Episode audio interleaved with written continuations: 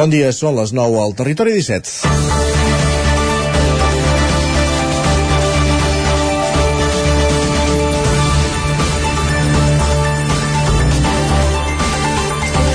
Tòpic per començar, el futbol és aquell esport en el que juguen 11 contra 11 i sempre guanya Alemanya, frase que li atribuïm a Gary Lineker. I ahir el país germànic va tornar-ho a fer. No esportivament, però no patiu que ja ho farà diumenge, que és quan toca. Ara bé, sí que ho va fer des d'un altre punt de vista, des del punt de vista social. Fins ara és l'única selecció que s'ha revelat davant l'estupidesa de la FIFA de prohibir el braçalet amb l'art de Sant Martí per no incomodar les autoritats del Qatar, el país de la vergonya, on no es respecten drets essencials a les dones, els col·lectius LGTBI, els treballadors i on es fa el Mundial. La societat alemanya reclama més contundència a la seva selecció i fins i tot una cadena de supermercats li ha retirat el patrocini davant el que consideren una actitud tèbia davant la FIFA. El capità de la selecció, el porter Manuel Neuer, no va lluir el braçalet amb el lema One Love per no ser sancionat, com han acabat fent la resta de capitans de les seleccions que van anunciar que ho farien, però els jugadors van sortir al camp i van formar tapant-se la boca.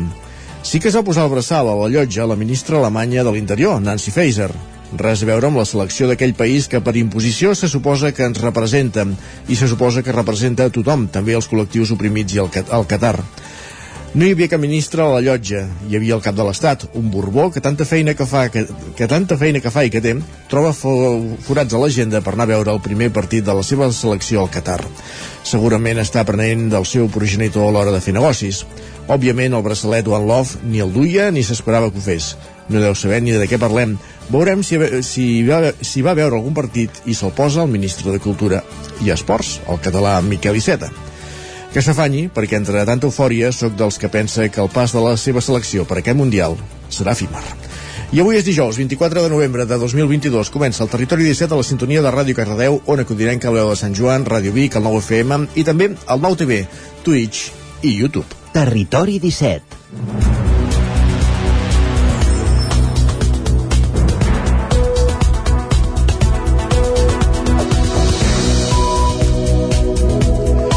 Dos minuts i mig que passen de les 9 del matí. Avui és dijous, 24 de novembre de 2022 i en dansa un nou Territori 17 que us farà companyia des d'ara fins al punt de les 11 en aquesta primera mitja hora. Eh, coneixerem les notícies més destacades de les nostres comarques, el Vallès Oriental, l'Osona, el Ripollès i el Moianès. Farem un repàs també a la previsió del temps, de la veu de Pepa Costa des d'Ona Codinenca i un cop d'ull a les portades que llegirem al quiosc amb en Sergi Vives abans d'arribar a dos quarts de deu. A aquesta hora passarem per la línia del tren, per l'R3, i pujarà un, cop, un dia més l'Isaac Muntades per recollir les cròniques dels oferts usuaris de la via, i a l'entrevista ens quedarem amb l'Isaac a la veu de Sant Joan per conversar amb la Sílvia Gallart sobre que és la coordinadora de la Creu Roja de Ripoll sobre una nova edició del Gran Recapte que arriba al seu punt àlgid aquest cap de setmana. A l'espai de Nova Economia, la plaça, Montse.cat i la Maria López des de Ràdio Televisió Cardeu parlarem del retorn del turisme després de la pandèmia i arribarem com cada dia al punt de les 10 amb música. A les 10, moment per les notícies, la previsió del temps i a la Foc Lent tornarem a la veu de Sant Joan per conèixer la iniciativa de Som Formatgers, una botiga de formatges que hi ha al vell mig de la capital del Ripollès, a Ripoll. La darrera mitja hora, els dijous, ja ho sabeu, la dediquem sempre a la ficció, abans però el cop d'ull a Twitter amb Guillem Sánchez i després sí, cinema per conèixer les novetats, les estrenes, la cartellera eh, a les cartelleres de les sales de casa nostra i també les estrenes que podem, de les que podem gaudir els propers dies a les sales de cinema i acabarem el programa com cada dijous fent algunes recomanacions de sèries. És el menú del Territori 17 d'aquest dijous 24 de novembre, com dèiem, moment per començar a repassar les notícies més destacades de les nostres comarques, el Vallès Oriental, Osona, el Ripollès i el Moianès. El Departament de Territori està fent un estudi per solucionar els embussos que hi ha a les hores punta a les sortides de la C-17 i la C-25, l'eix transversal a GURB, que conflueixen a la rotonda de Xocovic. L'Ajuntament ha alertat del perill que suposen les cues de vehicles aturats. Sergi Vives.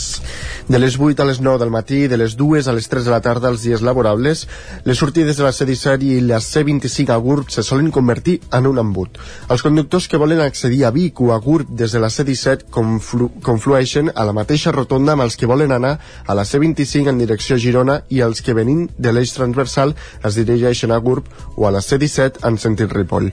L'acumulació de vehicles fa que els conductors hagin de fer cua ja abans de la sortida 64 de la C17 i de la sortida 180 de l'eix transversal que els cotxes amb els cotxes aturats al voral. L'Ajuntament de Gurb ha alertat diverses vegades de, a la Generalitat titular de les dues vies dels perills que això suposa. Josep Casasses n'és l'alcalde. Bàsicament el que demanem és que es resolgui abans no, no hi tinguem algun, algun accident, perquè sí que és veritat que els vorals són amples, però, però cotxes aparcats al voral amb, amb vies de velocitat alta doncs, doncs eh, genera un cert un risc important doncs, pels usuaris i, i el que demanem és que es pugui resoldre o minimitzar aquest, aquest risc eh, fent doncs, que sigui més fluida la, la circulació a la rotonda.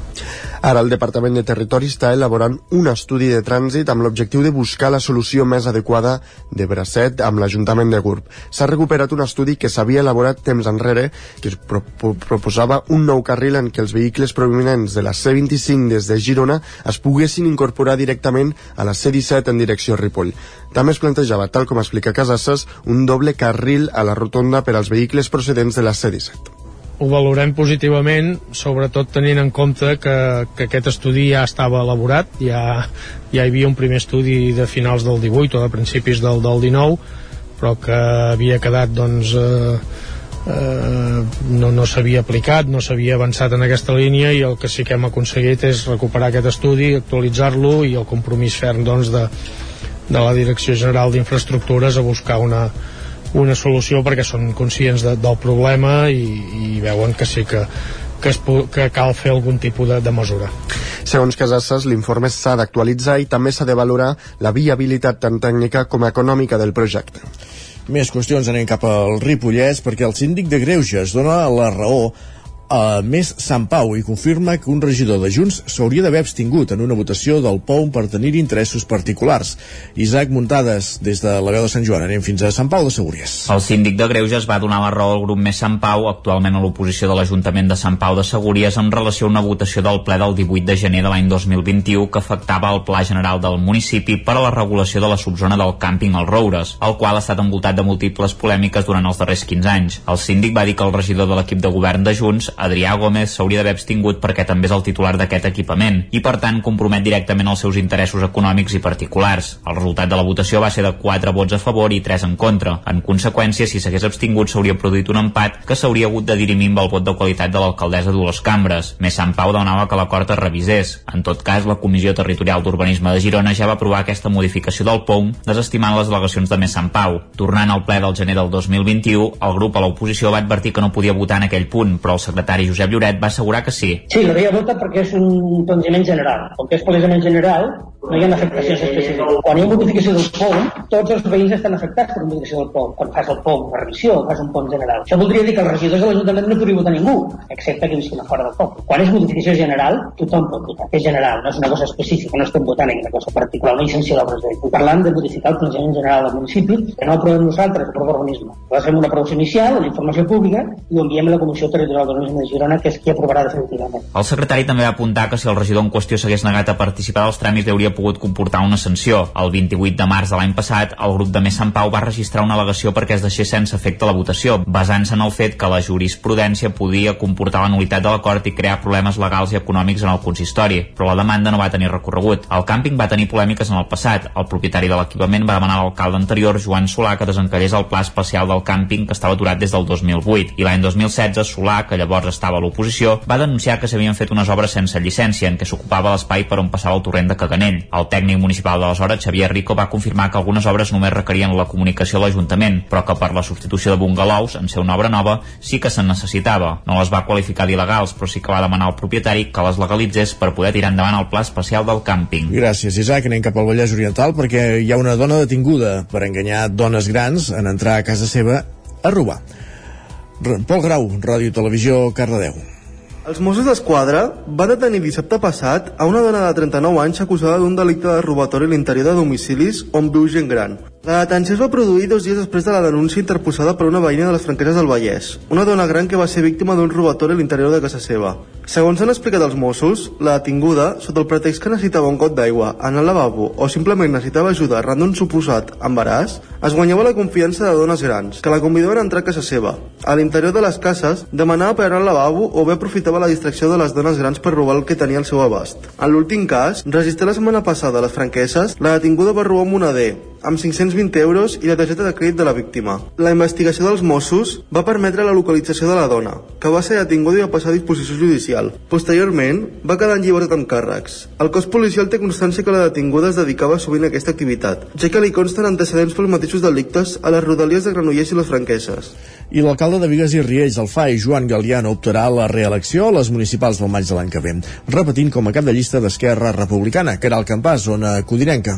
En plana política i amb la mirada posada en les eleccions municipals del proper mes de maig, l'actual alcalde de Vigues i Riells del FAI, Joan Galiano, es tornarà a presentar i comptarà, en principi, pràcticament amb el mateix equip de govern que fins ara. Sí, l'equip que, que ens ha acompanyat en aquests anys, eh, el, el nucli dur, per dir-ho així, eh, es mantindria, eh, aquesta és una de les propostes que, que s'havia fet i a partir d'aquí el que sí que tindrem són noves incorporacions de gent que vol, vol sumar al projecte i que també per part nostra pues, eh, busquem perfils o hem estat buscant perfils per, per cobrir aquelles places que per nosaltres són importants de cara a les sessions que volem dur a terme en un futur.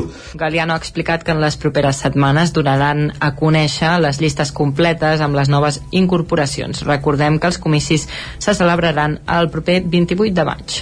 L'aula magna de la Universitat de Vic va acollir ahir la jornada Joves Emprenedores La Revolució de les Dones. Una de les experiències que es van compartir és la d'Andrea Carandell, directora general del grup Benito Novatilu. Sergi.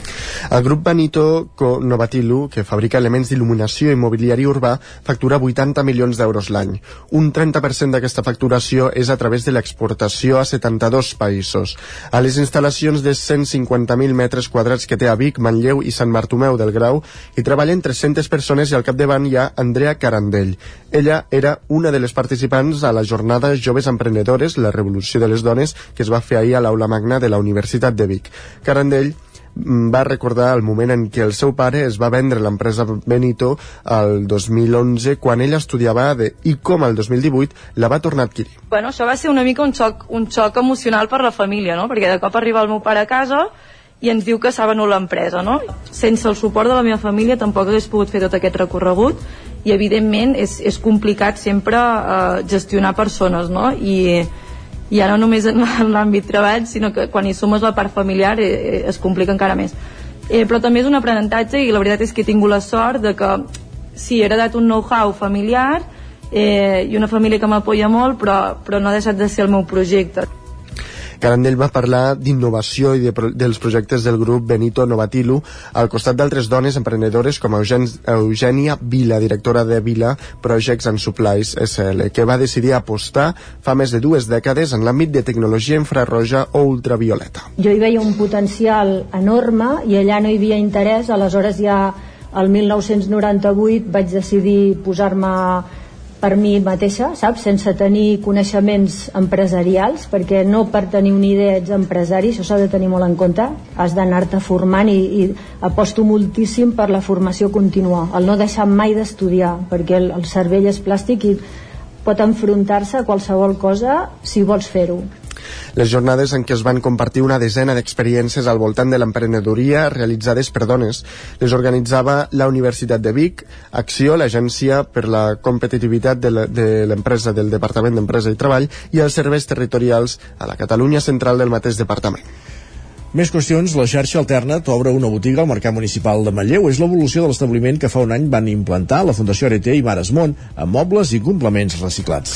El lot de cuina, el de lectura, els dels més menuts i el de l'autocura són els quatre lots de Nadal que ja es poden adquirir a la botiga Alternat que s'ha habilitat al Mercat Municipal de Manlleu, un espai que va començar a caminar al setembre de l'any passat en una de les parades exteriors del mercat i que ara fa un pas més. Mercè Generó és la gerent d'Osonament. Fa un any, quan no, va convocar a venir aquí a aquest espai, era una prova de què passaria, amb un espai més de trobada, de tenir informació de les entitats, i dues entitats es vam comprometre a obrir i tancar, um, i portant-hi els productes nostres.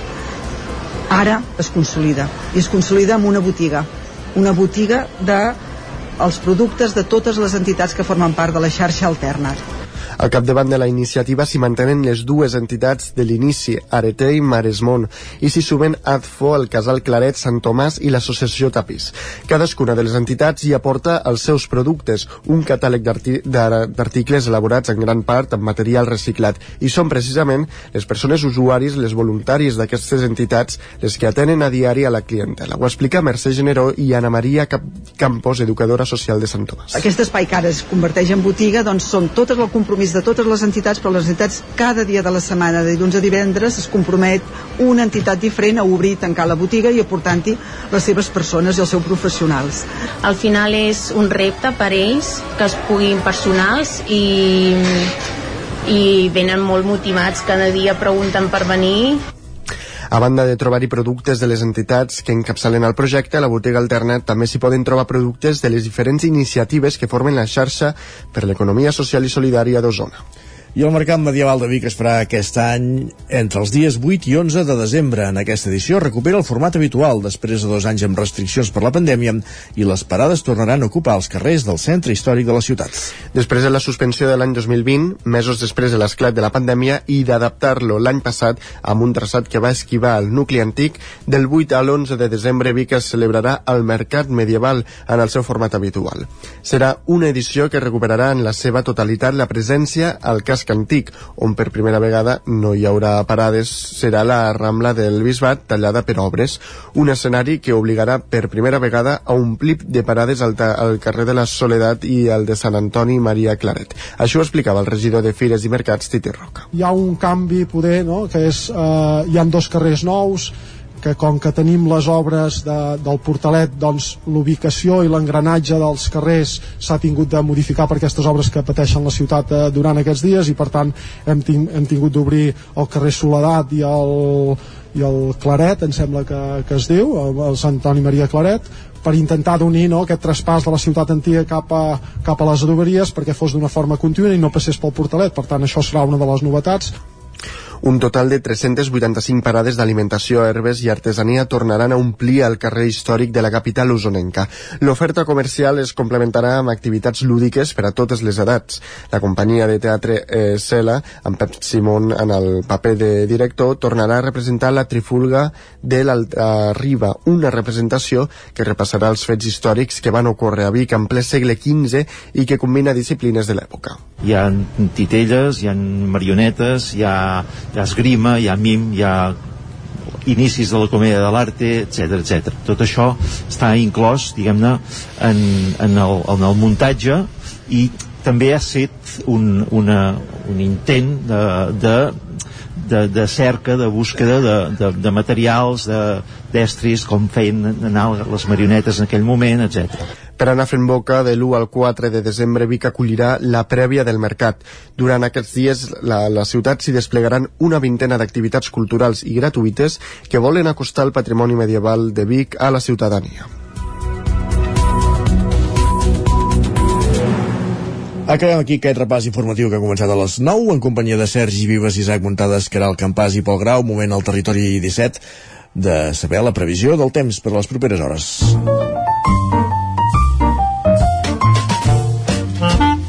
Casa Terradellos us ofereix el temps. Una previsió del temps que ens acosta cada dia en Pep Acosta, des d'Ona Codinenca. Anem fins allà, Pep, bon dia. Un dia més. Sí. Comença l'espai del temps Aquí estem, sí. Què tal esteu? Bé, home, i tu? Uh, com va tot? Espero que la setmana uh, pugui anar abans, molt, abans, molt bé. Abans la setmana. Ens llevem amb unes temperatures uh, força baixes, la majoria de mínimes entre el 0 i els 5 graus, superiors als 5 graus que passen al preditoral, i és que és on hi ha més nuvolositat.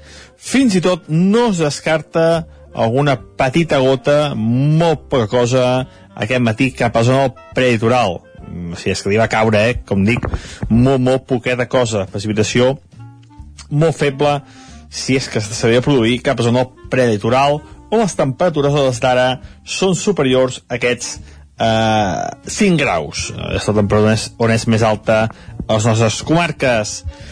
Pocs núvols ara mateix, s'acosta un altre front atlàntic eh, per fi tenim aquesta mm, dinàmica aquesta eh, com ho diria, aquesta tendència de que fronts atlàntics es vagin creuant i avui se n'està aproximant un altre que ja està eh, Galícia, Astúries, Cantàbria, aquesta zona està plovent i s'està acostant cap a casa nostra.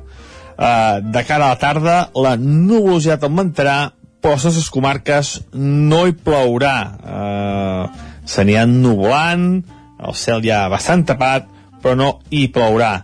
Les temperatures baixaran, eh, no seran tan altes com les d'ahir, es van superar els 20 graus, eh, més d'una població, ahir va ser un dia molt suau, eh, al matí encara vam tenir uns bons núvols, però a la tarda molt de sol i les temperatures es van disparar. Va ser un dia molt, molt suau, com deia, i fins i tot en algun lloc una mica càlid i tot, eh? unes temperatures eh, realment altes les que vam tenir ahir, amb molta, molta tranquil·litat, Eh, doncs avui això, eh, canvia dinàmica, s'acosta aquest front i les temperatures màximes també quedaran més baixes. Les temperatures màximes eh, voltaran entre els 15 i els 18 graus la majoria de valors. Uh, hi ha moltes hores nocturnes, això fa que les temperatures uh, baixin de nit i els hi costi després pujar de dia, a no ser com ahir, que van tenir aquests vents de ponent que van escalfar de manera considerable la temperatura sobre la zona prelitoral a última hora del dia, fins i tot a la nit, no es descarten quatre gotes cap al Pirineu, molt poca cosa, eh, llàstima que aquests fronts atlàntics ens, ens venen de tercera, quarta categoria, eh? m'agrada molt definir les categories, doncs això, tercera, quarta categoria, eh, molt poca cosa també aquest front eh, atlàntic que ens està a punt de creuar, eh, aquesta nit ens creuarà el tot. Eh, I els vents febles, els vents febles, eh, de direcció variable a la que es vagi acostant aquest front i ens vagi creuant el vent girant en direcció nord i això farà baixar les temperatures de cara a demà i al cap de setmana. Però bueno, això ja ho explicarem més bé demà al cap de setmana eh, que de moment ja vist ho sembla bastant, bastant, bastant tranquil. Però moltes gràcies, això és tot. Adeu cap de setmana tranquil i fred, gràcies Pep, parlem d'aquí una estona. Casa Tarradellas us ha ofert aquest espai i del temps cap al quiosc. Perquè és moment, Sergi Vives, de saber què diuen avui els diaris de les seves portades. Per on comencem? Doncs abans vull dir que Digues. avui portada eh, en referència a la selecció espanyola. Ai, ai tots els, gairebé totes les portades fan referència a Mare, això. 7 a 0. 7 a 0, sí. Van fer i tots els gols del Mundial i dels tres que vindran després ja els van fer tots ahir. A veure si ara ja no marcaran... A veure. Va, el punt avui encapçala la portada amb un absolts per ara. Expliquen que pel Tribunal Superior de Justícia de Catalunya la mesa de Torrent no va desobir perquè l'avís del Tribunal Constitucional va arribar tard. Caram. I aquí posen doncs, una fotografia de Roger Torrent i també destaquen que Escòcia planteja un referèndum de facto. El periòdico destaca que també el, el TCJ de Catalunya absol l'anterior mesa del Parlament i expliquen també que la Generalitat pagarà a les mares d'assassinats per violència vicària i amb una fotografia de Gavi abraçat eh, de balde diuen que Espanya és un tro. Això, Espanya tot, és un tro Espanya és un tro. Això posa en referència a ahir, eh, que van fer 7 gols a la Costa Rica. Em fa gràcia l'actitud quan aquests mateixos jugadors es posen la samarreta blaugrana llavors, és, llavors ja no són un tro, són un petardo. Et diran alguns d'ells. En fi, vaja. sí, sí, sí. Va, què més? Um, la Vanguardia destaca que Putin s'acarnissa amb Kiev i Odessa, que es queden sense llum i aigua, i amb una fotografia doncs, de Gavi i Ferran una altra vegada eh, doncs, celebrant un gol destaquen que la jove Espanya s'exhibeix en el seu debut la jove Espanya. La jove Espanya. La, la jove Espanya no és el primer diari que ho diu, eh, amb això? la foto del gendre de l'entrenador, sí. del seleccionador, vull dir. Més coses. Um, també expliquen que Escòcia tindrà eleccions plebiscitàries després del rebuig a un nou referèndum i en petit destaquen que l'ESA fitxa dos astronautes espanyols per anar a la Lluna, els primers després de Pedro Duque. Caram. Lara destaca que el Suprem del Regne Unit veta el segon referèndum d'Escòcia i aquí amb una fotografia eh, on veiem el, per exemple el Pere Aragonès, entre d'altres eh, destaquen que la nit de l'Ara premia la innovació i la solidaritat portada d'autobombo, l'Anna, molt bé. Sí. Què més? I a més a més també destaquen això que comentaves al principi, aquesta protesta simbòlica d'Alemanya per la censura a Qatar i veiem aquí tots els jugadors tapant-se la boca. Molt bé. El que és important també és el braçalet de la ministra a la llotja. Sí. No el duia pas al preparau. Què més? A Madrid, el país, explica que els atacs de Putin deixen sense, deixen sense llum a gran part d'Ucraïna i a tota Moldàvia. I també eh, destaquen que Vox indigna al Congrés amb insults masclistes a Montero. També I a, digne de, de, Bueno, d'estudi de, i d'escàndol tot plegat. i no sorprèn tampoc. I amb una fotografia de Gavi Ferran Torres celebrant un gol destaquen que el primer partit d'Espanya al Mundial com una golejada per la història. L'ABC explica que... Golejades per la història de, de la selecció espanyola i aquesta i la de Malta. Sí. sí. 12 a 1 em sembla que n'hi van dosar. No van durar gaire, però vaja. Què més? L'ABC explica que càrrecs socialistes demanen a Sánchez que indulti ja a Grinyán sense pagar el cost de rebaixar la malversació i amb una fotografia gegant de Gavi i Ferran Torres que ocupa tota la portada l'ABC diu que la jove Espanya es descabella Es descabella, es desmalena, caram. Sí. Molt bé. El Mundo explica que Sánchez cola en l'impost a la banca un gran regal fiscal a Netflix, HBO i a Amazon. Caram. En fi.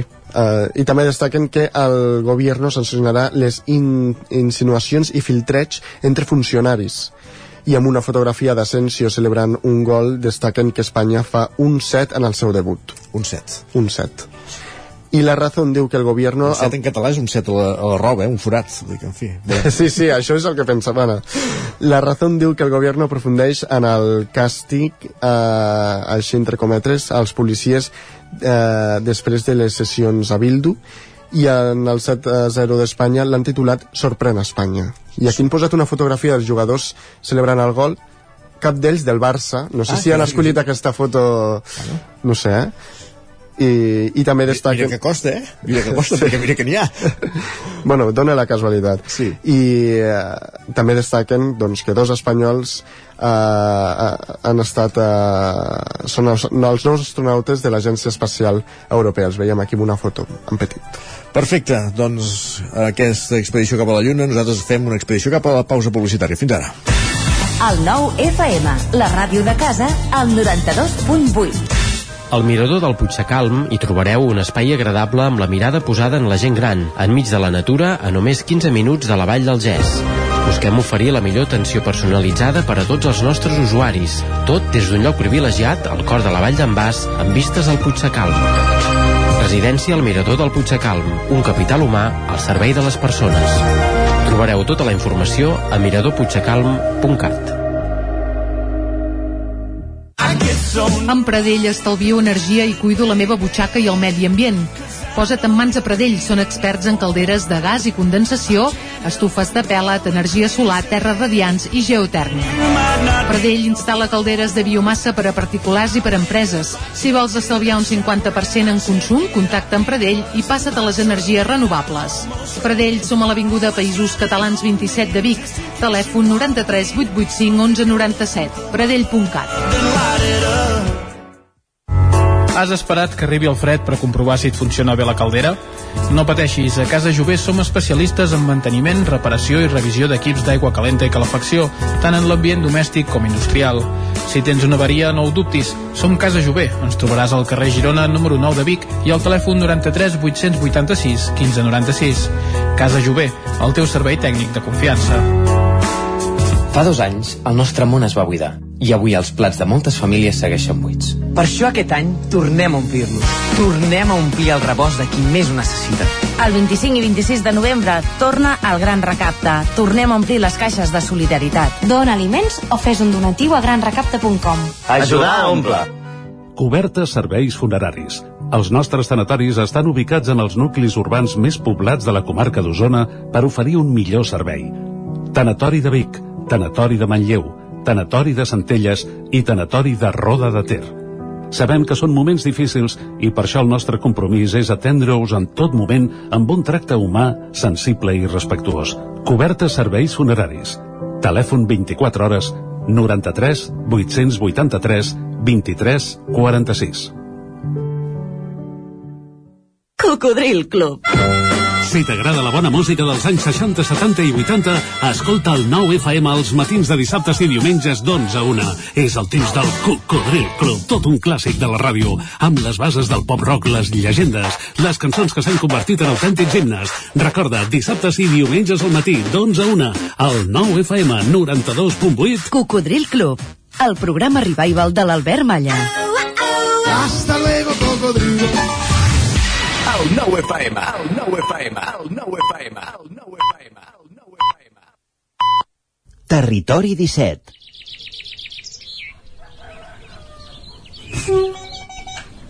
A Tren d'Alba.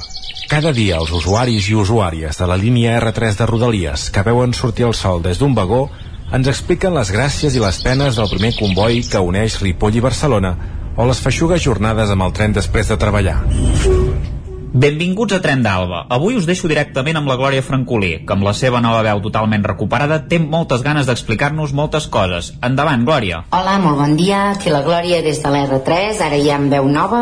A veure, el tren que avui havia de sortir a les 18.52 però que no ha sortit fins a les 19.01 de l'estació de Sants ha arribat a Vic amb 13 minuts de retard. Durant el trajecte hem anat acumulant uh, temps també. I una cosa, suposo que ja us hem explicat en, en alguna ocasió que aquest tren el que fa és que l'última parada de Barcelona és la de Sant Andreu Arenal i llavors ja la següent no és fins a Granollers. Abans no era Granollers, abans era Vic. Però ara quan vam fer l'última modificació dels, dels horaris de, de tren aquest tren que no parava en lloc només a Barcelona, Vic i Puigcerdà ara para en alguna estació més. Total, que en aquest tren quan tu arribes a l'última parada de Barcelona el maquinista normalment explica que la següent parada, en aquest cas eh, hauria d'haver dit que era l'estació de Granollers però se n'ha descuidat. I què ha passat? Quan hem arribat a Montcada Bifurcació, que és una parada que no para, aquest tren, han fet el que haurien d'haver fet a Sant Andreu Arenal. Han parat el tren, han dit que la següent parada era Granollers i, com passa sempre en aquest tren, moltíssima gent ha baixat. Val, això és un clàssic, o sigui, realment la gent que no, no, no va um, a distàncies llargues com nosaltres, sinó que va doncs, a, les, a la conurbació de Barcelona, va a la seva línia i agafa el primer tren que passa perquè normalment tots els trens paren a tota a la seva estació. Però, però no passa amb aquest tren, és, és una excepció, podríem dir, no? Però igualment la gent va amb el pilot automàtic posat i sempre passa que l'última parada de Barcelona baixa a la meitat de, de l'ocupació del tren. No, res, bueno, això ja n'hem parlat en una altra ocasió, en, en altres ocasions, i, i avui, mira, m'ha anat bé doncs, per explicar-vos-ho així una mica més detalladament. I durant el viatge, doncs la veritat, molt tranquil. Hem, jo el que he fet avui ha sigut escoltar música perquè avui he fet un... m'he llevat molt d'hora al matí i he treballat fins tard, després encara he hagut d'agafar el tren i per tant no estava d'humor per llegir. I bé, bon viatge. Ha passat l'interventora com una esperitada. Jo em pensava que aquesta època, les, eh, aquest, aquest període de temps que no s'ha de pagar, els interventors i interventores no treballaven, o sigui, ho tenia assumit, perquè mai els veia. Però avui sí, sí, ha passat, i clar, ha passat d'una banda a l'altra, ha anat d'una banda a l'altra del tren, però sense demanar el bitllet a ningú, perquè ara, eh, com ja sabeu, anar en tren és gratuït. No res, un bon rotllo que us he fotut. Escolta'm, que tingueu molt bon dia i a veure si ens veiem la setmana que ve. A veure si parlem la setmana que ve. Adéu. Ja ho veieu, això si ho fa la gent que vol pujar a Ripoll, Can Davant, Ribes, Planoles o Toses, doncs no ho pot fer segur, perquè no tots els trens hi arriben. Com a mínim, el percentatge és molt més gran. En canvi, a les rodalies de Barcelona és molt més fàcil perquè, com diu la Glòria, normalment tots els trens paren a tot arreu. Només hi ha excepcions comptades com aquesta. En fi, ens retrobem dilluns amb més històries del tren i de l'R3. Passen 3 minuts i mig del punt de dos quarts de 10. Parlem del gran recapte tot seguit a l'entrevista. Territori 17, el 9 FM, la veu de Sant Joan, Ona Codinenca, Ràdio Cardedeu, Territori 17.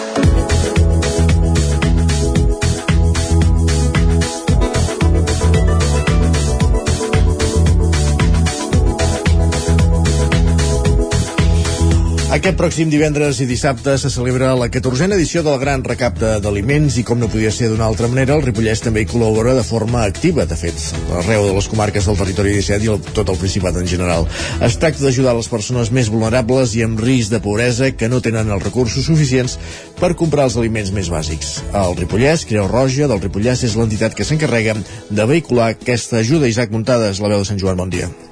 Bon dia, Isaac. Sí, i avui per parlar del gran recapte d'aliments tenim a la coordinadora de la Creu Roja de Ripoll, la Sílvia Gallar, perquè ens detalli com funcionaran doncs, aquestes dues jornades de recollida d'aliments amb tots els pèls i senyals, ens ho explicarà. Bon dia, Sílvia, i moltes gràcies per ser avui amb nosaltres. Bon dia, Isaac. Uh, moltes gràcies a vosaltres. Per començar, Sílvia, de, ja hem parlat, eh, demà comença el gran recapte d'aliments. Explica'ns a quins supermercats de quines poblacions del Ripollès trobarem voluntaris, no sé quants sou, i si us ha costat també trobar gent eh, que us pugui ajudar durant aquests dies, perquè altres anys havíem parlat que costava no?, acabar de, de completar el tema del voluntariat, no sé com ha anat eh, enguany. Sí, bé, aquest any, després dels dos anys de pandèmia, és el primer any que tornem a recuperar voluntariat eh, físic present en les seus dels supermercats. Però a diferència de l'últim any que es va fer d'aquesta manera, que teníem nous supermercats per cobrir amb voluntaris, aquest any només dues cadenes es presten a tenir voluntaris en les seves seus. Aquestes cadenes són Condis i Espar. Per tant, estaríem parlant de que només trobarem eh, les persones que vagin eh, als supermercats, només trobaran voluntaris oferint-los de col·laborar amb la gran recapta, el Condis de Ripoll, el de Ribes, i a l'Espar de Canavano i el de Ripoll també. Eh? Mm. I a la Vall de Camprodon em sembla que també hi ha un Espar. Per tant, només trobareu voluntaris físics en aquests. I la veritat és que ha estat més fàcil omplir aquesta vegada eh, aquests supermercats que no pas abans quan en teníem tants. -huh. Durant quines hores hi sereu i com ho ha de fer una persona per fer la donació d'aliments que entri a comprar eh, en aquest supermercat només o, o en d'altres també es farà recollida sense voluntaris? Sí, mira, en els que hi ha eh, voluntaris presents, que són aquests dos que t'he dit, Condis i Espart, eh, trobareu voluntaris, eh, potser algun ja el divendres al matí, però arrencarem fort el divendres a la tarda, entre les 4 i les 8 i mitja del vespre, i el dissabte tant al matí com a la tarda. Eh, hi haurà voluntaris de 10 a 2 i de eh, 4 a 8, 8 i mitja.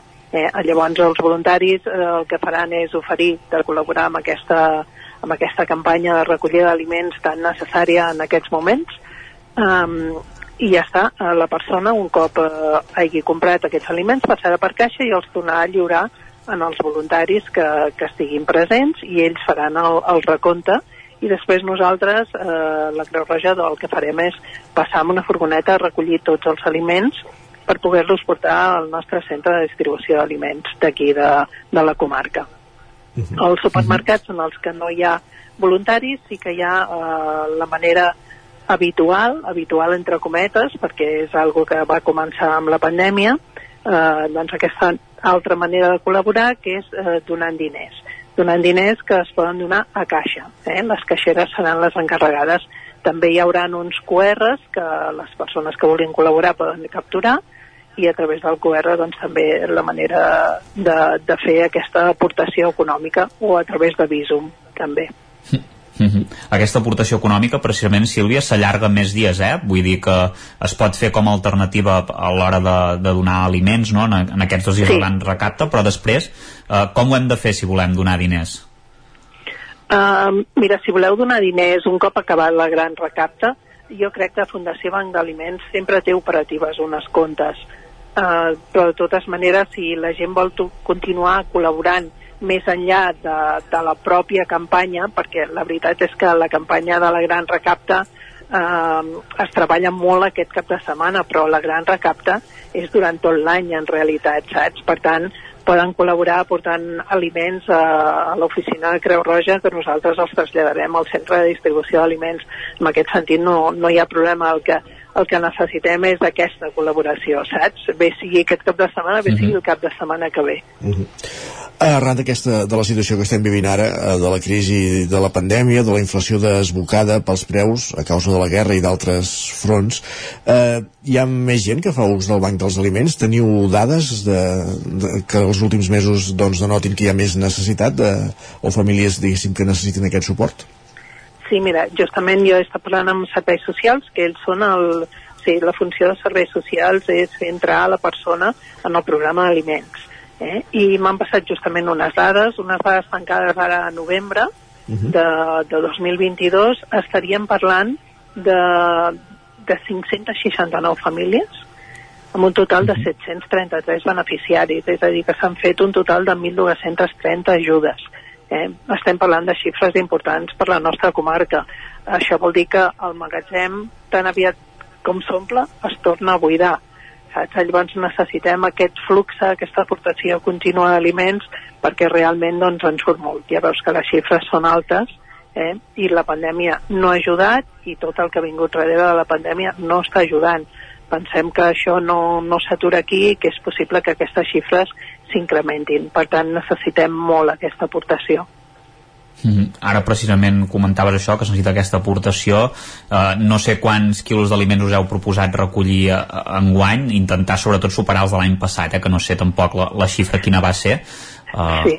Si ens ho pots explicar. Sí, sí mira, t'ho explico. Um, L'últim any que vam fer la recollida normal amb voluntaris presents en els supermercats, vam arribar a una xifra molt única, una xifra de 10.300 quilos d'aliments recollits i que això va servir per allargar eh, no haver de comprar aliments eh, fins ben bé, estem a novembre, doncs fins ben bé fins al mes de març, saps? Que llavors ja es va poder empal empalmar amb la nova aportació de, del Fons Europeu d'Alimentació. De, mm -hmm. Per tant, eh, allargar molts mesos amb aquestes donacions del gran recapte.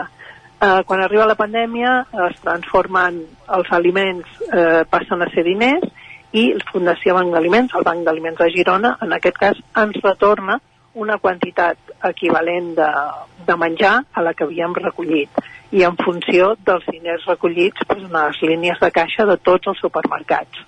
Eh? que bueno, no va arribar ben bé a la xifra que, que teníem, que havíem recollit el, el primer any amb els voluntaris, però que s'hi assemblava. Aquest segon any l'aportació ha sigut menys, perquè també s'ha recollit molt menys. Evidentment, eh, bueno, tots aquests factors econòmics que anaves parlant fins ara afecten a tothom en general, per tant la gent que estava en condició d'ajudar potser no ho està tant, saps? O potser no disposa eh, de tant per col·laborar per tant eh, va baixar la recollida. Aquest any, bueno, no sabem com anirà perquè són molts els factors que s'hi han sumat, però esperem arribar, si no aquesta xifra, pues, una xifra que fos, eh, que fos bonica, eh? que ens servís pues, justament per això, per allargar X mesos el fet de, de no haver de fer compres d'aliments amb tot el que suposa. Entre aquests factors que ara comentaves hi ha, com dèiem, la, la inflació, el preu de l'increment de preu dels productes bàsics, de tots en general, però productes bàsics, que és el que estem parlant ara, això no sé si provoca certa, certa inquietud per dir oh, pot haver-hi menys aportacions en aquest sentit i, i aquí som si ens fas una mica la llista de, dels productes que, que es demanen en aquest recapte. Sí, evidentment inquietud ens genera, ens genera molta inquietud tot, tota aquesta situació, perquè és el que et comentava ara, no? Persones que abans estaven en situació d'ajudar força, doncs potser ara també els hi ha canviat la seva situació. Per tant, és un altre factor variable que hem de tenir en compte. El preu per descomptat. Eh, no és el mateix un paquet de sucre fa un any i mig que un paquet de sucre ara. Eh, tot, tots els preus estan desbocats, per tant no sabem quina quantitat d'ajuda ens arribarà. Què necessitem? Pues, el que necessitem i el que es demana sempre és aliment bàsic, primera necessitat, eh? com seria la llet, la pasta, l'arròs, el sucre, la farina, el cacau en pols per les esmorzars dels nens, eh, tomàquet fregit, eh, conserves de, de peix, sobretot de tonyina, doncs ja ho veus, són, són oli, són productes que, que necessitem, que és el dia a dia, saps? No es demana res extra, sinó justament això, aquesta primera necessitat, poder cobrir la primera necessitat. Precisament per això que, que ens comentes, entenc que també hi ha alguns productes que recomaneu que no, que no es portin, però també n'hi ha alguns que els bateu, que estiguin més o menys prohibits o que creieu que no, que no s'haurien de portar sota cap concepte? Bueno, pensem que, per exemple, tot el tema d'alcohol és algo que nosaltres amb les grans campanyes ni, ni amb cap campanya ni demanem ni recollim, no? Però sí que eh, el que, el que volem reforçar és aquest missatge de que el que volem és aliment de primera necessitat. No vedem res, eh? no vedem res, però, però sí que, no ho sé, preferim un paquet d'arròs que un paquet de magdalenes, no? perquè la bulleria industrial doncs, és algo que tampoc és, és nutritiu, que sabem que agrada, sí, cert, però que preferim prioritzar un altre tipus de, de producte, no? perquè realment doncs, eh, millor un bric de caldo que no pas un paquet de magdalenes o un paquet de croissants. Uh -huh. Amb la recollida que es fa a la Gran Recapta, quants mesos es cobreixen de, de necessitat de, banc, de, sí, del banc d'aliments, del rebost solidari, de, del servei d'aliments que, que hi ha al Ripollès? Sí, bueno, és el que et comentava. Uh, abans de la pandèmia, l'última recollida vam recollir aquests 10.300 quilos de menjar i que ens van servir pues, des de novembre fins ben bé quasi bé abril eh, estaríem parlant doncs, d'aquests 5-6 mesos que aguantàvem podent tenir un flux continu de sortida d'aliment, no? També tenint en compte que hi ha alguna cadena com Mercadona que ens ajuda contínuament i que cada setmana anem a buscar aliments en allà, no? Però tot i així ens eh, allargàvem aquests 5-6 mesos. La por nostra és, eh, depenent de la quantitat que es recolli aquest any, ja no només eh, físicament l'aliment que ens puguin donar els voluntaris que hi haguin, sinó els diners que recollin, eh, quants mesos podran aguantar aquest flux de sortida. Mhm. No sé quin és el perfil també de les persones que venen a buscar aquests aliments. Amb la crisi econòmica s'ha ampliat una mica el ventall de, de persones i de perfils que us venen a buscar doncs, productes de primera necessitat? Bé, el perfil més que ampliar o canviar el que s'ha fet és reforçar, no? El perfil és, eh, tenim persones soles, tant homes com dones, que viuen sols, que pel que sigui doncs, han perdut la feina o la seva capacitat adquisitiva ha baixat molt, eh, famílies, famílies amb nens, tenim també gent gran, és un perfil que ja havia entrat el de gent gran eh, amb, la, amb la crisi econòmica d'abans de, de la pandèmia. I per tant són aquests els perfils que, que, que en aquests moments doncs, conformen el, al centre de distribució d'aliments. Sílvia Gallart, de Creu Roja de Ripoll, coordinadora de Creu Roja de Ripoll, moltíssimes gràcies per ser avui al Territori 17 i que vagi molt bé aquesta campanya que comença aquest divendres, aquest gran recapte, per anar podent omplir el rebost, per anar fer, donant resposta a aquestes necessitats. Moltíssimes gràcies a vosaltres per donar-nos aquesta veu pública en aquests moments doncs, que, que hi ha tanta necessitat, no? poder-ho fer extensiu mitjançant doncs, la vostra la vostra ajuda a tanta gent que us escolta. Moltes gràcies. No faltaria. Bon dia. Bon dia. Gràcies, Isaac, també. Parlem més tard. Fins després.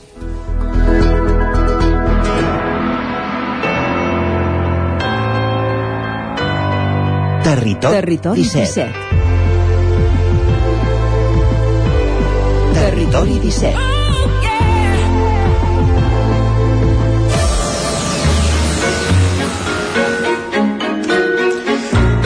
Ja la coneixeu, aquesta sintonia és la que ens acompanya cada dijous just abans de les 10, és la sintonia de la plaça, l'espai de nova economia que cada setmana ens porta la Maria López des de Ràdio Televisió Cardedeu en companyia d'11. I avui per parlar del retorn del turisme. Maria, benvinguda, bon dia.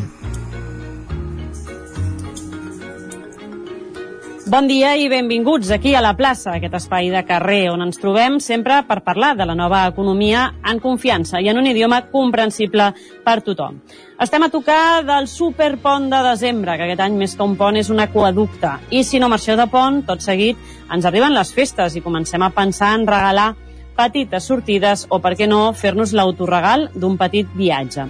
El turisme és quasi quasi un bé que s'ha convertit en imprescindible per a molta gent. I el més important, l'indústria del turisme continua sent motor econòmic per al nostre país. Hores d'ara ja no ens recordem de com la pandèmia va afectar la nostra indústria turística, o quasi que ho volem oblidar també. Així que avui volem parlar de com està el turisme ara, que sembla que la pandèmia comença a quedar enrere i per parlar d'això ens acompanyen les companyes d'11. Avui tenim amb nosaltres a la Carol Rafales, ella és Product Manager d'11. Bon dia, Carol. Hola, bon dia, Maria. I ens acompanya també una setmana més la Gemma Ballet, directora d'11 District. Bon dia, Gemma. Bon dia, Maria. Doncs som-hi perquè tenim aquí aquest aquaducte que dèiem, segur que molts de nosaltres ja estem allò amb el catàleg o buscant per internet a veure si podem fer alguna, alguna escapada i si no el Nadal també està aquí en dos telediaris, com qui diu, uh, però venim d'un episodi, d'una època complicada pel que fa al turisme. Com està la cosa actualment, dos anys després d'aquell confinament tan bèstia que ens va impedir viatjar? Uh, Maria, ens hem recuperat. La bona notícia és que... Així de, així de dràstic, eh? I clar i tot. M'encanta. Això és optimisme, Gemma, m'encanta. ja tocava que ens toquessin coses sí. positives. S'hem recuperat un 88% més del, del que teníem després de la pandèmia.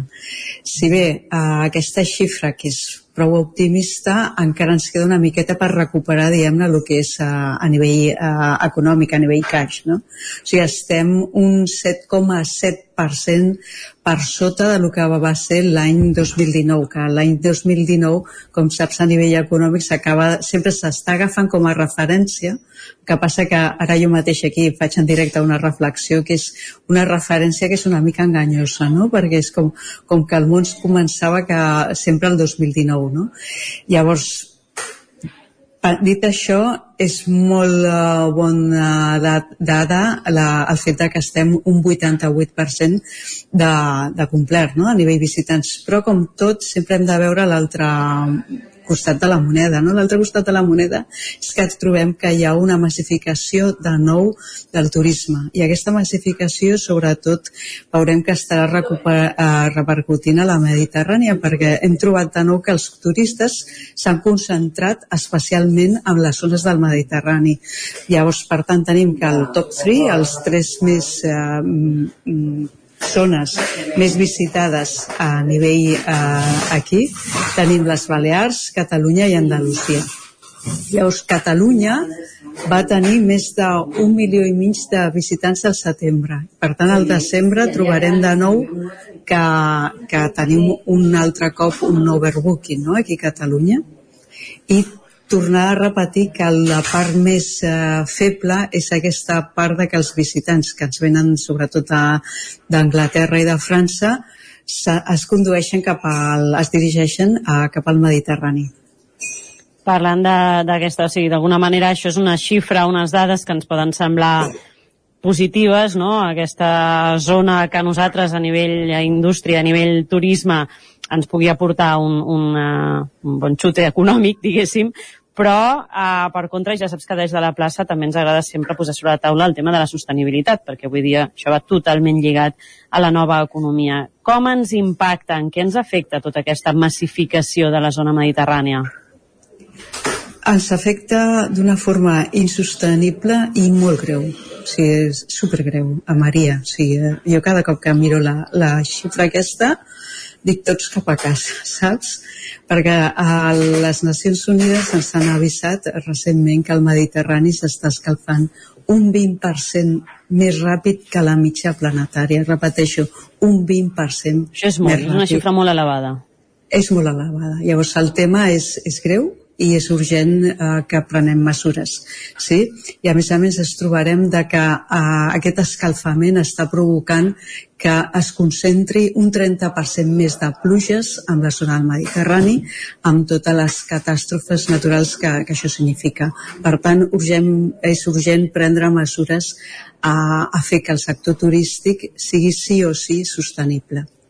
I que, però hi ha mesures concretes que puguem, perquè d'alguna manera a tot això va lligat d'alguna manera a tota aquesta massificació o més aviat del que es tracta és de que tota aquesta gent que vingui aquí eh, prengui certes mesures o d'alguna manera tingui en compte tota aquesta situació que es viu des del Mediterrani en quant a ecosistema? Com saps perfectament, és una s'ha de ser global en prendre les mesures i començar primerament des de el que podem fer individualment, que és ser responsable. O sigui, ser responsable vol dir senzillament has d'agafar el cotxe, inevitablement has d'anar a una sortida al Mediterrani, has d'agafar quatre cops un avió, etc. O sigui, hi ha, hi ha tota una sèrie de, de, d'aspectes que tenim nosaltres mateixos el poder de decidir d'anar uh, o no cap al Mediterrani, entens? I l'altre és si nosaltres ens autocontrolem, llavors evitarem que, que continuem venint aquesta massificació doncs, des de creuers, avions, etc.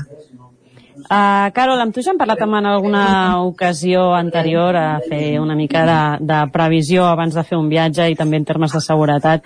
Ara amb aquest uh, quasi aquaducte que dèiem de principis de desembre, que l'agafem amb moltes ganes, tots i totes, però no sé si ens pots donar d'alguna manera alguns tips uh, sobre què hem de tenir en compte abans de fer un, un viatge per viatjar més tranquils. Home, Maria, abans de viatjar, crec que el que ens preocupa a tots és que el que deixem estigui segur, no? Que casa nostra, els temps que corren, ara mateix no ens entre ningú i ens trobem amb un disgust a la tornada d'aquest viatge. Aleshores, jo et diria, a part dels truquets aquests que podem tindre com deixar alguna ràdio encesa així programada a certes hores de forma baixeta perquè es senti com moviment dins de casa o alguna llum que es va encenent i apagant, perquè doni com pistes de que aquell habitatge no està buit, et diria que el que és molt important és que ara tinguem una bona assegurança de la llar, d'aquestes que hi ha ara digitals que es contracten en menys d'un minut i que per 5 euros al mes et poden donar unes cobertures excepcionals i és la millor forma i més tranquil·la de poder marxar aquests dies i gaudir al 100% d'aquestes petites escapadetes sembla que a vegades li traiem importància, no? Amb això és com que què, què ha de passar, no? És d'allò que et diuen què ha de passar fins que passa. Clar, i, i no és només això que que jo he comentat que si et poden entrar a casa, no, és que hi ha vegades, tal com comentava la Gemma, tot això que està provocant aquest canvi climàtic de eh, pluges torrencials, no? que tu puguis marxar un cap de setmana tranquil·lament i que a la zona on tu vius hi hagi doncs, aquesta pluja boja que últimament ens estem trobant i que hi hagi una inundació a casa doncs sempre està bé, està ben cobert i, i el que et dic, una bona assegurança, que sàpigues que respon ràpid i que sigui fàcil de gestionar, transparent, aquestes que et dic que són ara 100% digitals, són una meravella i convida a tothom a que s'ho miri. De fet, crec que ara deies, parlaves d'això de les pluges i crec que tots recordem eh, de no fa masses mesos aquella, aquelles boles de gel enormes que van irrompre de cop eh, de manera brutal, la de cotxes, la de lunes de cotxe que van trencar, la de vidres de cases, o sigui, va ser una, una bestialitat i suposo que és que no som del tots conscients uh, fins a quin punt això, no? Tot aquesta, aquest canvi que li estem, uh, el que estem sotmetent al nostre planeta ens pot venir eh, revertit amb, amb coses també que no estem acostumats a veure, no? que cada cop ens arriba una d'aquestes, no t'ho esperes i t'agafa amb el peu canviat i, i apa, ves pagant, no? com qui diu. Sí, sí, sí. No estem acostumats, però cada cop podem veure que és més habitual, per desgràcia. Doncs, Carol, Gemma, moltíssimes gràcies a, a totes dues per aquests petits consells i aquest anàlisi de com tenim el, el turisme en el nostre país, ara que, que tots just arribem aquests dies de descans que també ens toquen. Així que moltíssimes gràcies a totes dues i nosaltres tornarem dijous vinent aquí, novament a la plaça. Moltes gràcies a les dues. Gràcies, gràcies Maria. Sí. Gràcies a tu també, Maria, una setmana més per acostar-nos a aquesta secció, a la plaça, amb la que arribem al punt de les 10 cada dijous, aquí al Territori 17, de fet, i arribem amb música. Amb música com la que ja comença a sonar de fons, aquesta cançó, porta per títol El 8 i és el darrer llançament de la gorbatana Ju, al Territori 17, fins a les 10. Anima.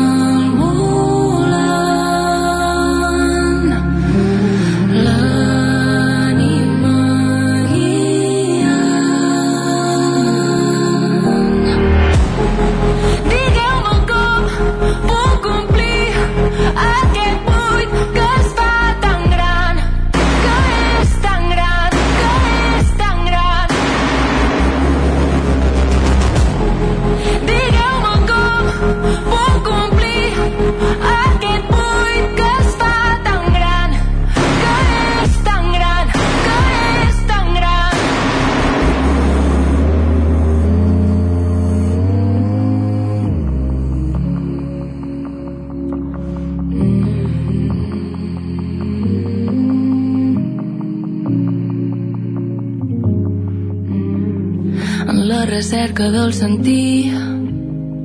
No hi trobo déus, ni reis, ni mites, ni profetes que hi ha enllà quan no ets aquí.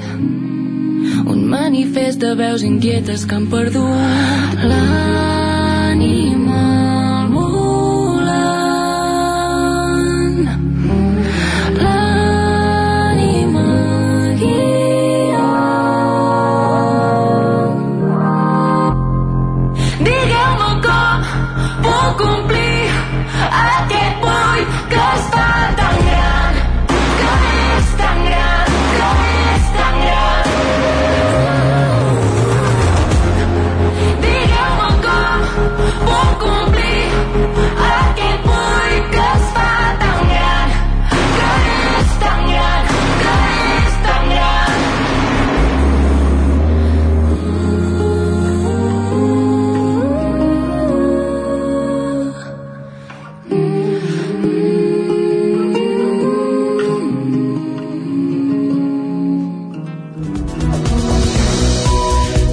territori 17 de posar-nos al dia, d'actualitzar-nos amb les notícies més destacades de les nostres comarques i ho fem en connexió amb les diferents emissores que dia a dia fan possible aquest programa. Una Codinenca, la veu de Sant Joan, Ràdio Cardedeu, Ràdio Vic, el 9 FM i ens podeu veure també a través del 9 TV, Twitch i YouTube.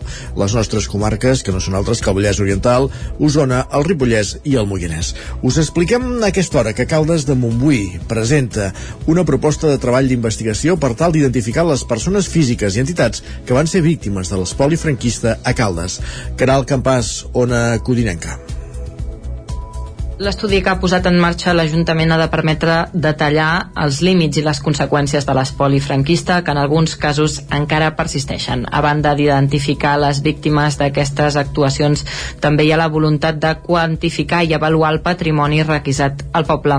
Neus Moran, doctora en Història Contemporània per la Universitat de Barcelona, és l'encarregada de capitanejar aquesta investigació.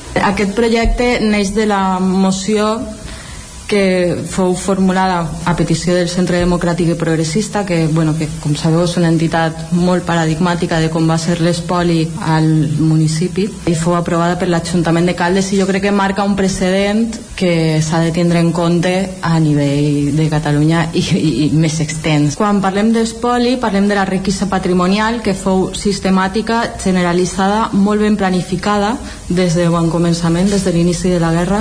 Fins a dia d'avui, les dades que es tenen a nivell d'entitats o persones jurídiques víctimes d'aquest espoli entre els anys 1939 i 1949 són aquestes. Al Centre Democràtic i Progressista, al Sindicat Agrícola i després ens, ens han aparegut diverses més. Eh, una, la Unió Metal·lúrgica, la, la Casa del Poble, que era el casino ocupat, un balneari, un menjador popular infantil, un sindicat de constructors i el propi Ajuntament republicà. Pel que fa a persones físiques, veïns de Caldes, fins ara hem pogut saber que hi va haver prop de 160 víctimes. El pla de treball preveu elaborar l'estudi en diferents fases. La primera està prevista que estigui enllestida al febrer del 2023 i ha de servir per recopilar les dades que hi ha en els documents i les següents fases de l'estudi es centraran en l'anàlisi dels fons conservats en la resta d'arxius. Gràcies, Caral. Encara al Vallès Oriental, Cardedeu acull aquest dissabte les jornades feminisme, de feminisme digital impulsades per Cardedeu Coeduca. Pol Grau, Ràdio Televisió, Cardedeu. La jornada comunitària de Cardedeu Coeduca d'enguany està dedicada al món digital. Durant tot el dissabte 19 de novembre es van programar un seguit d'activitats i tallers per aprofundir la presència de les dones al món digital, tot buscant estratègies per trencar amb l'escletxa digital de gènere. L'objectiu és poder visibilitzar la violència masclista que pateixen les dones i el col·lectiu LGTBI, de la mà de la Laia Serra, i oferir recursos, com el cas de l'aplicació que ha desenvolupat Coeducació de Cardedeu. L'idea de fer la jornada de feminisme digital ha sortit del, del projecte, com deia, Cardedeu Coeduca, que és un projecte estrella que portem a Cardedeu. És un projecte de coeducació que es treballa amb les escoles, eh, amb el professorat i amb la comunitat, i per això es fa cada any una jornada de comunitària. Eh, S'ha triat aquest any el tema de la violència digital, que com sabem és una violència que es dona a les xarxes socials, però també la idea és poder reflexionar també sobre la violència digital com una violència més masclista, però també pensar donar-li la volta i repensar que la violència digital la podem convertir en feminisme digital eh, fent que hi hagin unes xarxes de, digitals en perspectiva de gènere. Entre les múltiples activitats, destaca la conferència de les violències masclistes digitals a càrrec de la Laia Serra, on s'han donat recursos d'anàlisi, detecció i prevenció d'aquest tipus de violències. Una presentació del FemBlog, la línia feminista d'atenció i suport davant les violències digitals. FemBlog és, un, eh, és el nom d'un projecte europeu que ens van atorgar fa dos anys i és un projecte que ens van donar a un conjunt de tres entitats, en aquest cas hi ha la Universitat de Barcelona, Calala Fondo Mujeres i Dones Tech Alia. I participem com a expertes contractades, investigadores, l'Àlex H i jo com a jurista. I l'objectiu de FemBlog és dissenyar el sistema, el model d'abordatge de les violències masclistes digitals per incorporar aquest abordatge a tota la xarxa d'atenció que ja ve duent a terme aquest acompanyament amb, violència, amb violències masclistes, anem a dir, eh, offline, no? físiques, eh, digue-li com vulguis. La jornada va acabar amb un concert d'Anaïs Vila, a la plaça de Sant Joan de Cardedeu. Gràcies, Pol. I un altre nom propi, el de Santi Estregués, portaveu de Junts a l'Ajuntament de Tradell, que repetirà com a cap de llista les eleccions del maig de l'any vinent. En una entrevista al nou TV, Estregués ha fet balanç d'aquest mandat en què el seu grup ha estat a l'oposició. Sergi Vives. Santi Estragués, que repetirà com a candidat a l'alcaldia de 2023 a la llista de Junts, admet que el seu grup ha hagut d'aprendre a estar a l'oposició, ja que les eleccions passades les va guanyar Esquerra amb majoria absoluta, fent que Mercè Cabanes assumís l'alcaldia. Estragués considera que l'equip de govern d'Esquerra està gestionat sobretot el, està gestionant sobretot el curt termini i diu que la majoria de temes han votat a favor del govern perquè els dos programes electorals eren molt similars. Crec que veiem el mateix Taradell una miqueta. Una altra cosa és com es porta a terme. Llavors, això què vol dir? que arribes a un punt al ple municipal que quan et proposen algun projecte, si és un dels projectes que tu tenies a la llista, malgrat sigui pensat diferent, malgrat es porti executat diferent, malgrat s'hagi finançat diferent del que tu haguessis volgut, o hagi implicat més o menys endeutament, la qüestió al final és que el projecte tira endavant i al final si tu creus que aquell projecte era un bé pel poble has de seguir defensant que és un bé pel poble i ajudar amb el que tu sigui i, i faci falta no? la qüestió doncs de, de mitjanyet que vam començar eh, vaig començar a parlar-ne obertament no? sobretot amb, amb qui crec que n'havia de parlar primer de tot que era amb el meu equip, amb la gent més propera amb la gent que al final necessites per poder fer un equip perquè un de sol no faria res per tant veure si hi havia aquesta passada d'equip l'equip estava més que entregat l'equip tenia més clar que jo que qui havia d'anar davant um, era jo no? i per tant quan trobes aquest suport i comences a sondejar el carrer i veus que al carrer doncs, hi trobes la mateixa resposta el teu compromís que et va moure fa 3 anys et torna a fer moure una altra vegada ara. Santi Estragués, que havia estat regidor del govern, va assumir el 2019 el lideratge de la llista de Junts per Taradell, agafant el relleu del fins llavors alcalde Lluís Verdaguer. I qui no haurà d'esperar les eleccions del maig és Elna Bassaganya, que ha estat escollida alcaldessa del consistori juvenil de Sant Joan de les Abadesses. Isaac Muntades, la veu de Sant Joan. Aquest passat dilluns es va fer l'acte de constitució del consistori juvenil 2022-2023 de Sant Joan de les Abadeses, en què Elna Bassaganya va ser escollida com a alcaldessa i Berta Segura com a primera tinent d'alcaldia. En total, el consistori juvenil, que enguany arriba a la seva quarta edició, el formen 11 nens i nenes de l'Institut d'Escola Mestre Andreu, dels quals n'hi ha 5 de cinquè de primària i 6 de primer d'ESO. D'aquest darrer curs és d'on s'ha d'escollir l'alcalde. La Saganya es va imposar segura la votació final per 8 vots a 3. La resta de membres del consistori són Aurora Caparrós, Aran Riera, Maria Roquer, Miquel Pineda, Júlia Reguer, Roc Alguacil, Martí Busquets, Pol Guillaumes i Lara Forde. La nova alcaldessa juvenil va explicar que es presentava al càrrec perquè els joves tinguessin més veu al poble i poguessin fer més activitats. La Saganya va dir que calien fets i no paraules i que els joves eren el planter que es tirarà el carro en el futur. Aquestes van ser les propostes que va exposar. Xerrades a l'escola sobre la salut mental als joves. I és que segons l'Organització Mundial de la Salut, entre un 10 i un 20% dels joves europeus pateixen algun problema de salut mental. Aquestes xifres ens serveixen per veure que tenir cura de la salut mental als joves és bàsic en qualsevol societat per la construcció del futur. També he pensat a posar més papereres o que es treguin més sovint la brossa de dins, en l'objectiu d'aconseguir una vila més cuidada i més neta. Com que a principis d'any tindrem la biblioteca nova, a l'antic edifici de secundària proposo fer més activitats. Tallers sobre videojocs, treballs manuals, activitats sobre les xarxes socials, sobre música. Concretament, volia portar el cantant Miqui Núñez perquè parlés del conte Escriurem, editat per l'editorial Manit. Segura també havia proposat diverses iniciatives. Proposo donar vida als parcs de la Vila Vella o un parc esportiu, per tal que els infants i joves puguem optar de més parcs on passar el nostre temps lliure. També suggereixo ampliar l'aparcament de bicis i patinets per l'institut, ja que no hi ha suficient aparcament. I per últim, m'agradaria proposar una pista coberta, on els nens i nenes puguem jugar-hi, encara que faci mal temps, i on es puguin celebrar festes i actes culturals. L'alcalde Ramon Roquer va recordar que els infants tenen un pressupost de 3.000 euros per dur a terme alguna de les propostes a la pràctica. A Terrem a Osona, Sant Quirze de Besora ha instal·lat tres mini, mini biblioteques en tres places del poble. Es tracta d'una iniciativa que ha sorgit de l'escola Segimon Comas i del consistori infantil per fomentar l'intercanvi de llibres de lectura. Sergi Vives. Sant Quirze de Besora ha instal·lat tres mini biblioteques en tres places del poble. La iniciativa ha sorgit de l'escola Segimon Comas i del consistori infantil. L'Ona, la Romesa, la Mireia i l'Erola són l'alcaldessa i tres regidores del consistori infantil que ens han explicat en què consisteix aquesta iniciativa. Tenim una, una biblioteca exterior que serveix perquè la gent deixi llibres i si uh, llegeixi, retorni, o si li agrada un llibre, que se'l pugui quedar, però amb el tracte de tornar-ne un altre. De Sí, un altre. i també es pot, uh, s'ha de portar llibres en bon estat perquè pugui, perquè pugui gaudir to, uh, tota la gent del poble. Hi ha tres mini-biblioteques exteriors i estan situades a la plaça Bisaura, a la plaça Major i a la plaça Comtesa Armesenya. Ara hem vingut a inaugurar aquesta mini-biblioteca i hem portat uns quants llibres. I s'hi poden portar còmics, novel·les, el que vulguis. Les regidores i l'alcaldessa infantil tenen molt clar el funcionament de les noves biblioteques exteriors que hi ha a Sant Quirze des de fa uns dies.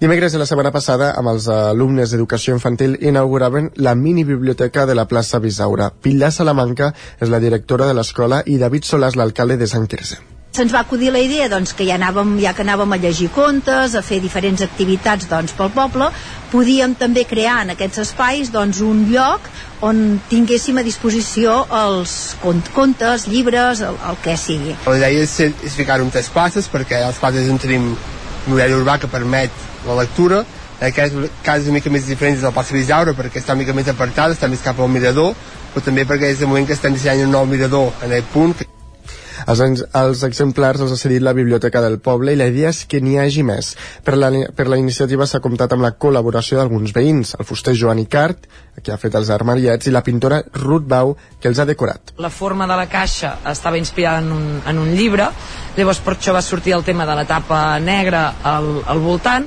Els llibres tenen molts colors, no? I parlen de llibertat, doncs n'hi havia una de blava, n'hi ha que ens parlen de cuidar el nostre entorn, la natura, una de verda, no? Últimament tenim tota la moguda més feminista i els problemes que han tingut les dones en, en ser autores fa molts anys enrere, doncs vaig pensar una violeta, Les biblioteques exteriors de Sant Quirze s'han ubicat a la plaça Bisaura, a la plaça Major i a la plaça Comtesa Hermesenda. L'objectiu és fomentar l'intercanvi de llibres i lectura. I parlant de llibres, Casus Belli és el títol de la nova novel·la de l'escriptora gorbetana Teresa Saborit, que s'endinsa en les interioritats del món editorial. El llibre, que a través de la ficció fa una sàtira de la realitat editorial catalana, posa en dubte el paper de les grans editorials i destaca el de les petites. L'autora en parlava aquest dimarts al programa Quatre Paraules del Nou TV. Uh, jo m'he inventat una ficció en el qual passen certes coses i jo volia explicar coses que de vegades els escriptors uh, quan es mira, o els lectors no? quan es miren el sector editorial des de fora es pensen que tot és un conte de fades i llavors quan comencen a rascar dius, veus que potser no és tan bonic i jo volia una ficció per explicar això Una història que li va valdre el 42è Premi Armand Quintana de novel·la que va lliurar-se el passat mes de setembre en el marc dels Premis Literaris de Caldetanes. I amb aquesta publicació, amb aquesta novel·la, que amb aquest repàs informatiu que començàvem al punt de les 10 en companyia de Sergi Vives, Caral Campàs, Pol Grau, Isaac Muntades, moment ara de saludar de nou- en Pep Acosta. Tornem a Ona Codinenca.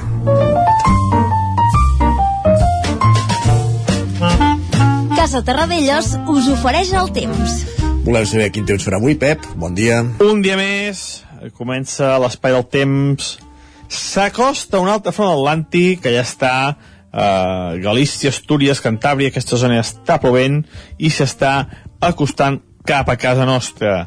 Uh, de cara a la tarda, la nuvolositat augmentarà, però a les comarques no hi plourà. Uh, S'aniran nuvolant, el cel ja bastant tapat, però no hi plourà. Les temperatures baixaran, eh, no seran tan altes com les d'ahir, es van superar els 20 graus, eh, més d'una població, ahir va ser un dia molt suau, eh, al matí encara vam tenir uns bons núvols, però a la tarda molt de sol i les temperatures es van disparar. Va ser un dia molt, molt suau, com deia, i fins i tot en algun lloc una mica càlid i tot, eh? unes temperatures eh, realment altes les que vam tenir ahir, amb molta, molta tranquil·litat, Eh, doncs avui això, eh, canvia dinàmica, s'acosta aquest front i les temperatures màximes també quedaran més baixes. Les temperatures màximes eh, voltaran entre els 15 i els 18 graus la majoria de valors.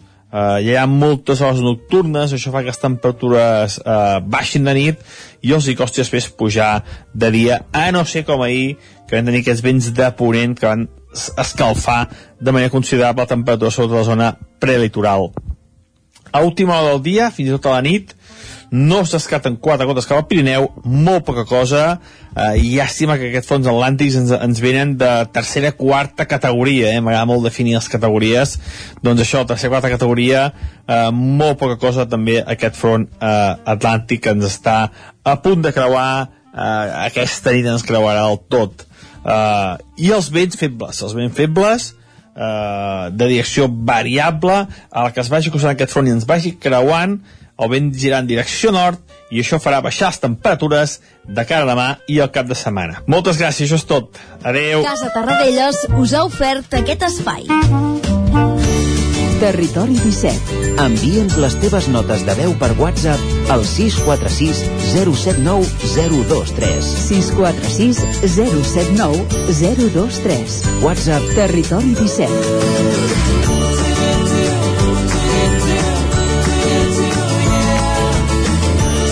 Territori 17. Som a Facebook, Twitter i Instagram amb l'usuari Territori 17.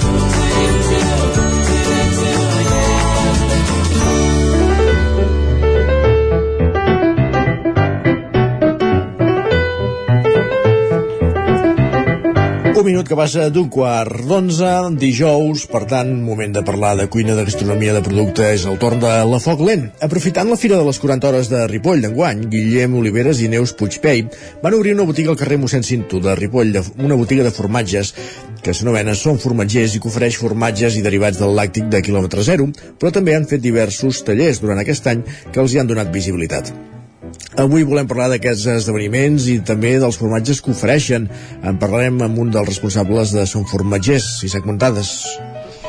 Bon dia, Isaac. Doncs sí, precisament avui tenim aquí a l'estudi amb nosaltres en Guillem Oliveres, que ens explicarà doncs, una mica tot plegat què suposa això de som formatgers, però a més a més d'aquestes activitats que han fet en els, en els darrers temps. De fet, les últimes setmanes heu estat fent aquesta mostra itinerant de l'ofici de, de formatger al Ripollès. No sé quines activitats heu fet, perquè anaven en principi adreçades més a, a la família i als nens, i l'última, a més a més, va ser aquí a, a Sant Joan de les Abadeses. No sé com, com han anat aquestes activitats. Sí, correcte. Bé, bon dia a tothom. Uh, la veritat és que hem fet tres jornades. Uh, la primera d'elles va ser a Sant Pau de Segúries, la segona a Ripoll i aquesta tercera, l'última, a Sant Joan.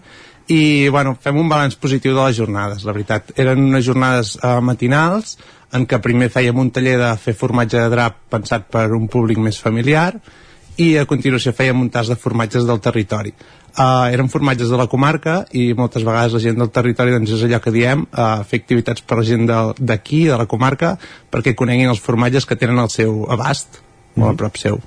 Teniu altres activitats, pensar, eh, altres activitats perdó, pensades pels propers mesos? Uh, en un principi, uh, properament, bueno, és una mica exclusiva això, però de cara a la Fira de Nadal de Ripoll, doncs organitzarem segurament un tas de formatges, també del territori, i llavors, bueno, la nostra idea és que continuïn aquestes jornades itinerants, que els puguem seguir fent a diferents poblacions de la comarca, uh, amb un volum de població més o menys gran, però que tothom pugui tenir l'oportunitat de participar a les jornades que, que fem. Uh, les tres primeres uh, han anat bé, fem un balanç, n'hi ha, per exemple, Sant Joan va funcionar millor el tas familiar, bueno, en el cas de Ripoll va funcionar potser millor uh, bueno, les activitats amb nens la veritat és que en general agraden molt. Uh, als pares els agrada molt fer un, un, una matinada diferent i quan parlem de formatge i de gastronomia doncs la gent tothom s'apunta uh -huh. De fet, eh, vam parlar també amb la, amb la teva companya, la Neus Puigpey que també està amb tu, són formatgers que ens va dir això, no? que més d'una seixantena de persones doncs acostat en aquestes jornades vull dir que va ser tot un èxit realment uh, també va ser un èxit la Fira de, Europea del Formatge de Ripoll que, que també vaig poder veure doncs, aquestes parades uh, us va anar bé no, la, aquesta fira? Sí, la veritat és que la Fira Europea del Formatge de Ripoll és potser dins la comarca de Ripollès una de les fires més consolidades a nivell de tema formatger. I jo crec que si se segueix en aquest mm, nivell, diguem-ne, any rere any, doncs seguir apostant pel producte, a fer activitats de divulgació, a fer promoció del producte al territori i també de formatgeries que venen d'altres zones de l'Estat doncs eh, pot ser una fira consolidada a nivell català molt important. La veritat és que la previsió era fer uns 3, 4, 500 tastets i en vam preparar més de 800. Llavors, eh, any rere any jo crec que les xifres són millors i hi ha una aposta més clara pel formatge a la comarca. Mm -hmm. Bueno, recordem que aquí a Ripollès som set formatgeries oficialment, llavors eh, és una comarca molt formatgera i que té un producte de molta qualitat el que passa que a vegades ens falta eh, els formatgers que tots un, una mica ho som, representem doncs ens falta una mica de donar visibilitat al nostre producte o arribar al client final que a vegades és el que costa més. Són formatgers, és una botiga que està situada al, al carrer mossèn Cinto Verdaguer de, de Ripoll, allà ara ens ho comentaves eh? a la comarca hi ha set uh, formatgeries oficials, per dir-ho d'alguna manera. Uh, vosaltres aquests formatges hi són tots a, a la botiga. Uh, també en veneu de comarques properes, però els de la comarca els teniu tots, no? No sé si ens pots uh, explicar-nos a quins teniu i, i què també veneu de fora de la comarca, perquè em sembla que feu algun tipus de, de rotació o alguna cosa així, oi? Sí, correcte.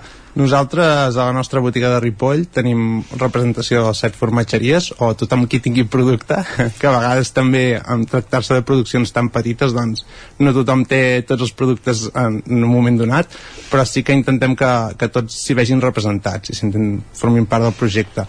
Llavors, a banda dels del Ripollès, que hi són sempre, doncs també tenim formatgeries eh, seguint un criteri sobretot de proximitat d'acord? Uh, vam començar primer amb les zones de, les del Ripollès, lògicament, després vam mirar optar per alguna de la Garrotxa, del Berguedà, i a mica a mica doncs, hem anat, anat ampliant el nostre radi. Uh, una altra cosa que ens agrada molt fer nosaltres també, perquè tenim una formatgeria a la comarca, doncs és recolzar una mica els projectes nous, els projectes que comencen fa poc i que necessiten tenir una mica més de visibilitat i que són projectes molt bonics, uh, de, la majoria d'ells de ramat propi o projectes uh, petits, diguem-ne, formatgeries petites, que el que necessiten en un primer moment és que la gent les conegui, que provin el producte i que si els agrada, doncs, puguin seguir comprant-lo. Uh. -huh. Guillem, et proposem un exercici ara, ja, ja, si en tomes el repte, uh, dels formatges que tens a la botiga, o, o fem-ho més maco encara, de les set formatgeries del Ripollès, fes-nos una taula de formatges, una taula de formatges, ja un recorregut, què, què serviries, diguéssim, a l'hora de fer doncs, això, un, un recorregut de formatges, una taula, amb, amb el producte d'aquestes set formatgeries. I, bàsicament per, per demostrar que, que hi ha una mica de tot, no?, també. Sí, sí, sí. Bé, la veritat és que és cert que a la comarca del Ripollès tenim molt formatge de vaca. Eh, la majoria tenen ramats amb extensiu i són projectes petits i la majoria d'ells doncs, treballen amb vaca perquè bueno, el territori ho ha favorit així. Són finques bastant grans, que hi pot haver bastanta pastura i la vaca, bueno, Bruna dels Pirineus o les vaques de, de llet doncs predominen bastant. Llavors, de les 7, 5 són de vaca. Uh, bueno, i, però de totes maneres, tot i ser totes de vaca, totes tenen un, un caràcter molt marcat. Per exemple, en el cas de, de la nostra formatgeria, que és formatges del Pujol que estem a les Llosses, doncs nosaltres tenim un producte que és el formatge herbet, que és molt característic uh -huh. nostre. Uh, és un formatge que porta herbes a dins, llavors és un, té un toc molt aromàtic, molt suau, és de llet pasteuritzada, i bueno, combina bé amb un, amb, amb un primer tastet, per fer un pica-pica, per un moment així, o una pizza, per exemple, per fondre. Llavors, bueno, també hi ha massa lledrer, que ofereixen nosaltres el formatge que ens agrada més són el bac o el tou de Matamala, que és un formatge molt cremós, també estil brie. Després també podríem trobar el de les vaques d'en mel, que és d'aquí Sant Joan, de fet, uh mhm. -huh. que, bueno, en el seu cas fa un formatge molt madurat, que es diu la toma, o Tom, i aquest, bueno, sis mesos de maduració, doncs ja us imagineu. amb un pinet negre, doncs combina bé. Bueno, aquests serien tres dels que tenim, però també hi hauria, per exemple, el Mové, que tindrien el formatge tendre, tendre de drap, uh -huh. que és un formatge de llet crua força tendret i que també, bueno, és molt característic de, de les zones de muntanya, dels formatges de pastor, aquells formatges que, que, que es feien a mà un per un i que tenen una forma molt particular i llavors també hi haurien altres formatgeries com Palau, que és de Camp de Bànol i que mm, treballa amb cabra i en el seu cas, per exemple, posaríem el Pilós que és un formatge de llet pasteuritzada de cabra que també agrada moltíssim. I per últim doncs hi hauria que l'Esteve de Batet que en el seu cas us recomanem especialment els làctics perquè són molt bons. El iogurt dels flams, per exemple i també tenen un formatge tendre o semi-madurat que també és de vaca també doncs encaixaria molt bé amb el tast. Mm -hmm. crec que no me deixo cap perquè són forces i... i està molt bé, Però i ja m'hi veig eh, amb aquesta taula molt bé. Sí, sí, el pròxim dia que combinem en Guillem a la ràdio li direm que ens porti la taula de formatges eh, sobretot, que, que m'ha fet venir bastanta salivera. Uh, un, un, que... una, deixa'm Isaac, perdona Isaac, només un dubte. Uh, abans uh, deies el, el formatge curat maridaria perfectament amb un vinagre parlant de maridatges, clar, aquí a Sant Joan de vegades hem parlat amb els de la minera, amb la cervesa, també hi mariden els formatges sí. amb la cervesa, no? Correcte, també. Moltes vegades eh, és un tòpic, eh, i tirem molt de tòpics eh, en general, però sí que és veritat que, per exemple, en el cas del formatge, sempre es diu que marida molt bé el vi negre, però no és ben bé cert, perquè eh, si volem fer un bon maridatge, us recomanem més que opteu per un vi blanc, perquè el vi blanc no, no té una nota tan, tan, tan forta, és, la idea del maridatge és que puguis provar els diferents formatges i que notis la diferència entre cadascun d'ells, puguis contrastar-los, i això amb un vi blanc més, més suau, més afruitadet, doncs eh, t'ho permet més fàcilment. Ara sí que és veritat que moltes vegades amb el formatge madurat o de llet crua, doncs molta gent opta pel vi negre perquè és un formatge més caràcter, diguem-ne, i amb el vi negre doncs encara li potencia més. Uh -huh. uh, I clar, el tema de les cerveses també és un tema important. A la comarca del Ripollès hi ha diverses cerveseries, en concret en tenim identificades quatre, almenys segures, llavors eh, ells doncs també també marida molt bé la cervesa i el formatge. El que passa que sí que és veritat que la cervesa és un, un, un món, diguem-ne, que ha sorgit com a formatge doncs, és molt recent, en canvi el món del vi s'ha treballat molt més. Fa molts més anys que, que hi ha productors que no elaboren i s'ha promocionat molt més. Però sí que és veritat que amb cervesa doncs, una cervesa més torrada combinaria més amb un formatge més fortet i una cervesa més, més bàsica diguem-ne de blat això doncs combinaria més amb un formatge més tendre i també hi han maridatges molt interessants eh, en el món de la cervesa mm -hmm. Passaria molta estona parlant de, de formatges Guillem, però se'ns esgota el temps moltíssimes gràcies per ser avui aquí als estudis de la veu de Sant Joan a explicar-nos, a, a donar-vos una mica a conèixer aquesta formatgeria, el producte que hi teniu i com bé deien, doncs fent gala una mica del producte de, del Ripollès que, que com bé deies, doncs no, no ha d'envejar res a, a ningú. Moltíssimes gràcies. A vosaltres, bon dia. Gràcies també, Isaac. Parlem més tard. A vosaltres, bon dia. Fins ara. I amb la foc lent arribem a la pausa. Just abans de dos quarts d'onze fem una petita pausa, tres minuts aquí al Territori 17 i tornem amb la resta de continguts del dia. Passarem pel món de Twitter amb en Guillem Sánchez i llavors serà el moment d'anar al cinema i fer algunes recomanacions de sèries. Tot d'aquí tres minutets. No marxéssiu fins ara. El nou FM, la ràdio de casa, al 92.8. Als teus fills els agrada la tecnologia? Apunta'ls a Codelern, l'extraescolar de programació i robòtica que els ajudarà a preparar-se per al futur i a ser creadors de tecnologia. Gràcies al mètode Codelern, cada alumne aprèn al seu ritme i pot començar quan vulgui. Us esperem a la Ronda Francesc Camprodon número 45 de Vic. Més informació a codelern.cat. Has esperat que arribi el fred per comprovar si et funciona bé la caldera? No pateixis, a Casa Jové som especialistes en manteniment, reparació i revisió d'equips d'aigua calenta i calefacció, tant en l'ambient domèstic com industrial. Si tens una avaria, no ho dubtis. Som Casa Jové. Ens trobaràs al carrer Girona, número 9 de Vic i al telèfon 93 886 1596. Casa Jové, el teu servei tècnic de confiança. Perill de glaçades? Per evitar problemes a les instal·lacions d'aigua en cas de glaçades, Aigües Vic recomana que es prenguin les mesures adients, protegint-les amb els materials adequats. Aigües Vic recomana la protecció amb Porexpan o amb altres materials aïllants, però sempre fàcils de posar i treure per facilitar la lectura del comptador. Per a més informació truqueu al 93 885 2500 o entreu a aigüesvic.com.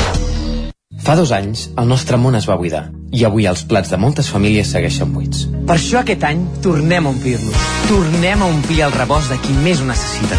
El 25 i 26 de novembre torna el Gran Recapte. Tornem a omplir les caixes de solidaritat. Dona aliments o fes un donatiu a granrecapte.com. Ajudar a omple. Arriba el Nadal i a l'Hiperbasar Liu ho trobaràs tot i a preus de fàbrica. Vine a conèixer la nova botiga Hiperbasar, la més gran de tot Vic. Ens trobaràs al carrer Torelló, 18 de Vic, al costat del Supeco, i al telèfon 672 62 15 33.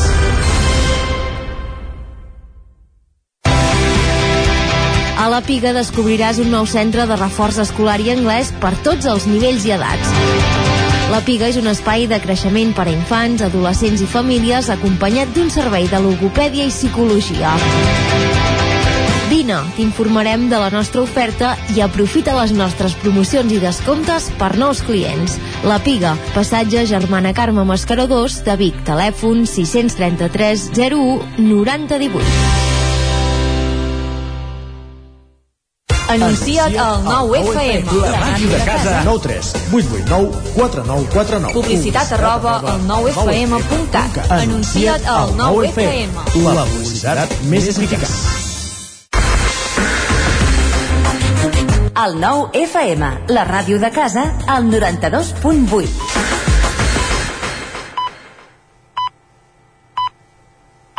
En punt, dos quarts d'onze.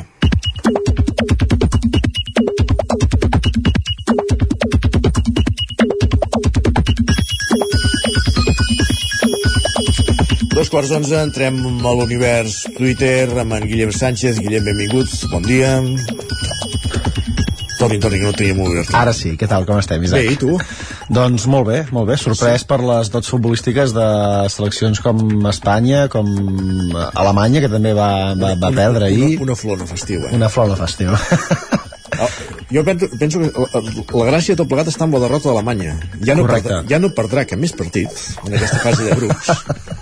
ja saps què vull dir amb això. Quines confiances, Isaac? Uh, el Japó tampoc en perdrà cap més. Ah, val, perfecte, doncs ja està. Eh, que m'has entès? No cal dir res més. Ah, doncs ja no cal dir res més. Qui sí que ens diu coses, per això és en Josep Lluís per Twitter, que em Ja, sembla que té un diu? problema.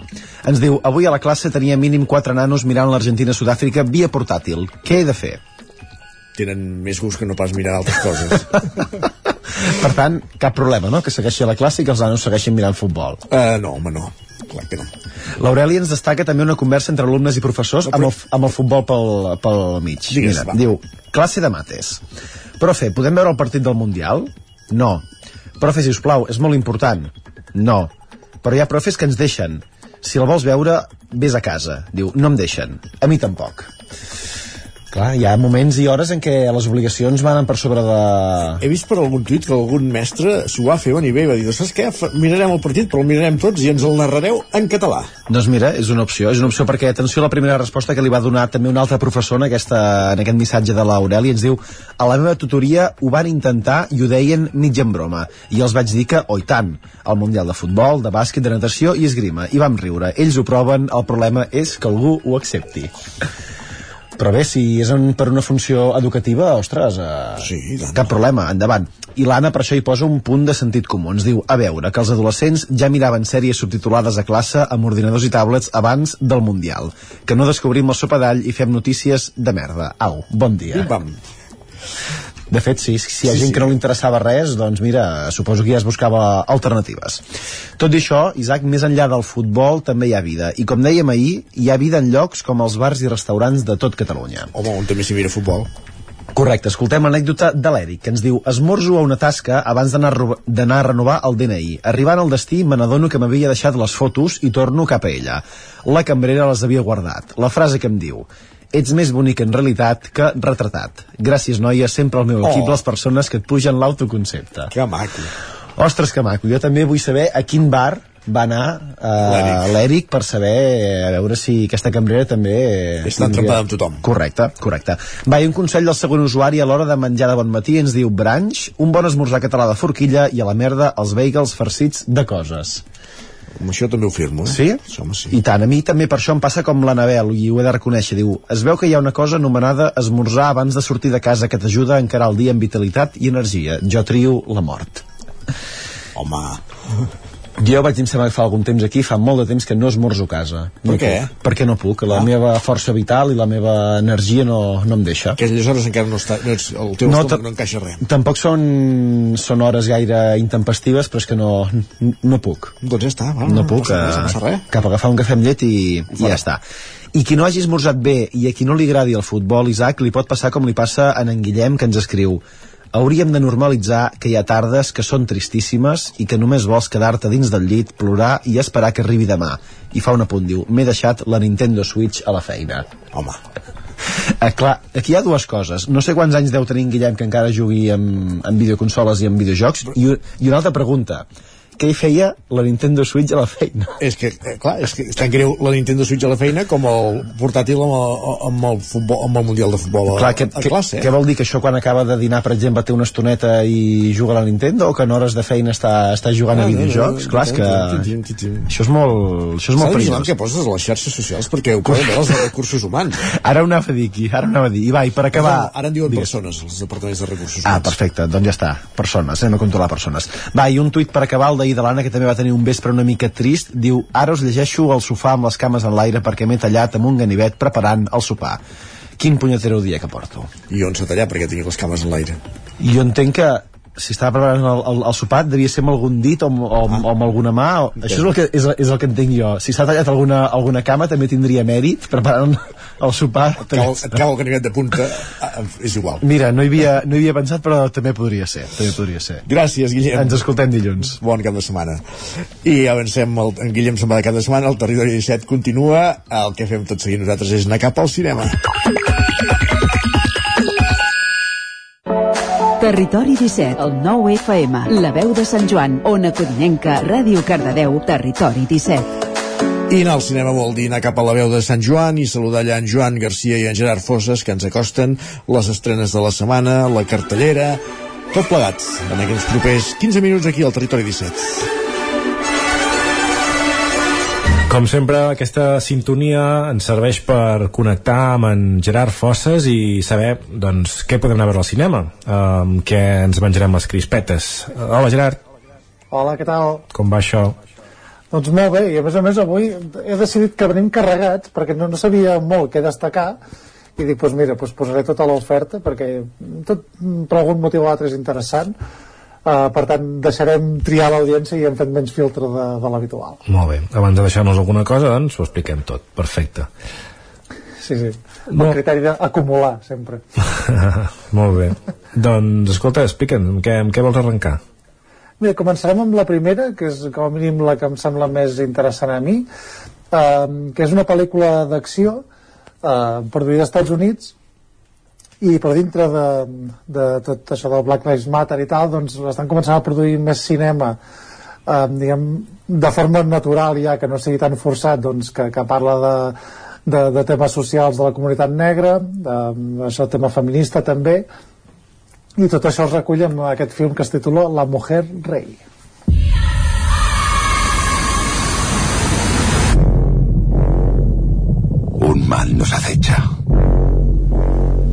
Amenaza nuestro reino. Nuestra libertad. Pero nosotros tenemos un arma. Para la que no están preparados.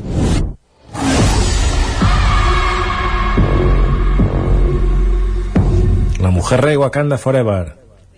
Sí, no? Lo, lo que hagués pogut ser Black Panther, no? Que quasi bé, doncs, aquí explicàvem una història que a més a més està basada en fets reals Uh -huh. i, i que explica això, d'aquestes històries desconegudes que, que passen al continent africà que només ens arriben les històries de d'això, que tenen a veure amb coses més occidentals com l'esclavitud, el tema dels diamants, eh, qüestions més geopolítiques i en aquest cas és una història de- d'un grup de- d'una unitat militar que, que, és, que era a més a més exclusivament femenina que es van dedicar doncs, a, a lluitar contra tot de- d'enemics eh, en, entre els segles a més a més de 18 i 19 vull dir que és això ja de, de fa un temps. Però això de, de gent que, que atacava el seu poble que violaven a gent, que es, de, que es dedicaven a, a la trata d'esclaus.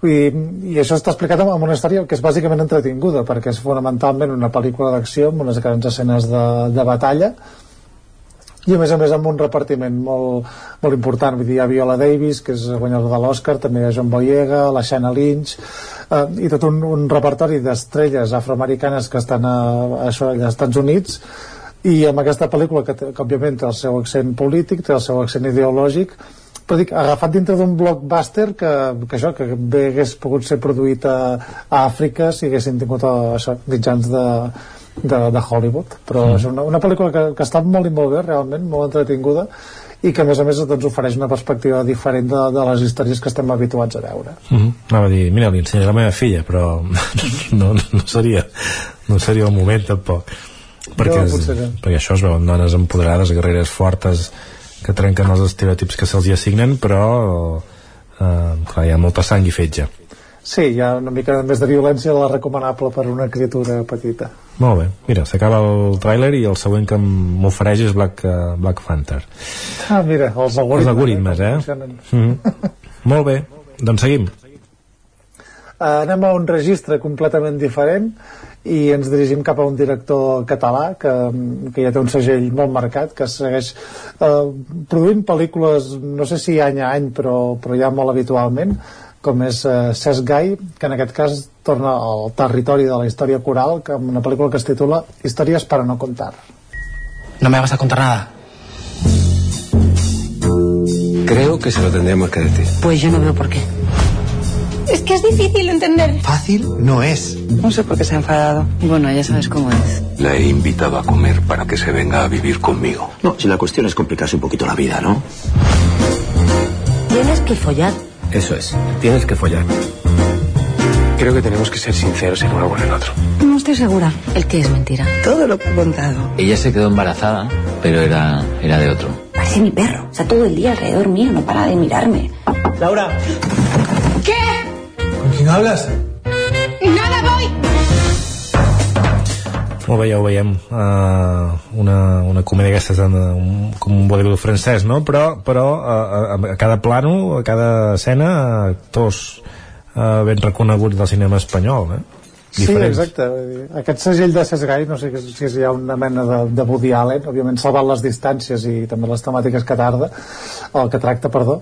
Uh, però bé, uh, també s'ha habituat, en certa manera, a fer aquest tipus de, de comèdies, drames, que estan enfocades molt en, en la realitat no, de, de l'ésser humà, sobretot aquesta realitat que volem amagar, perquè al final el fil conductor d'aquesta pel·lícula uh, que es diu Històries per no contar són precisament aquestes històries que ens avergonyeixen i que tendim a intentar amagar el màxim possible, no? o que només saben tres o quatre persones i que no s'expliqui gaire més.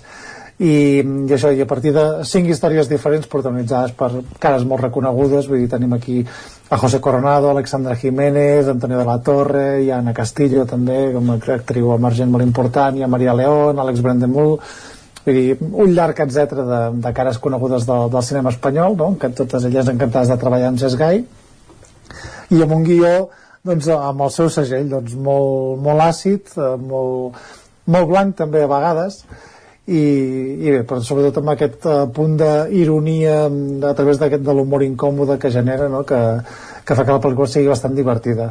I jo he dir que eh, quan Gai entra en aquest territori de la comèdia coral a mi em sol avorrir una mica, però sí que és veritat que són pel·lícules que, que funcionen molt bé i, i per tant per això ja no, ja no em poso a la meva perspectiva sinó que dic que és una pel·lícula bastant recomanable en general per passar una bona estona molt bé doncs ja, ja la tenim anem a per la tercera que ha quatre el que no hem dit, uh, perdona uh, de moment aquesta, i de fet totes no? totes sí, les sí. pel·lícules de les que parlarem Uh, les quatre primeres totes es poden veure al cinema Sucre de Vic i als cine de Granollers Sí, sí, avui estem de Black Friday avui tot està a disponibilitat i rebaixa, i rebaixa tothom. Sí, sí. molt bé, què més?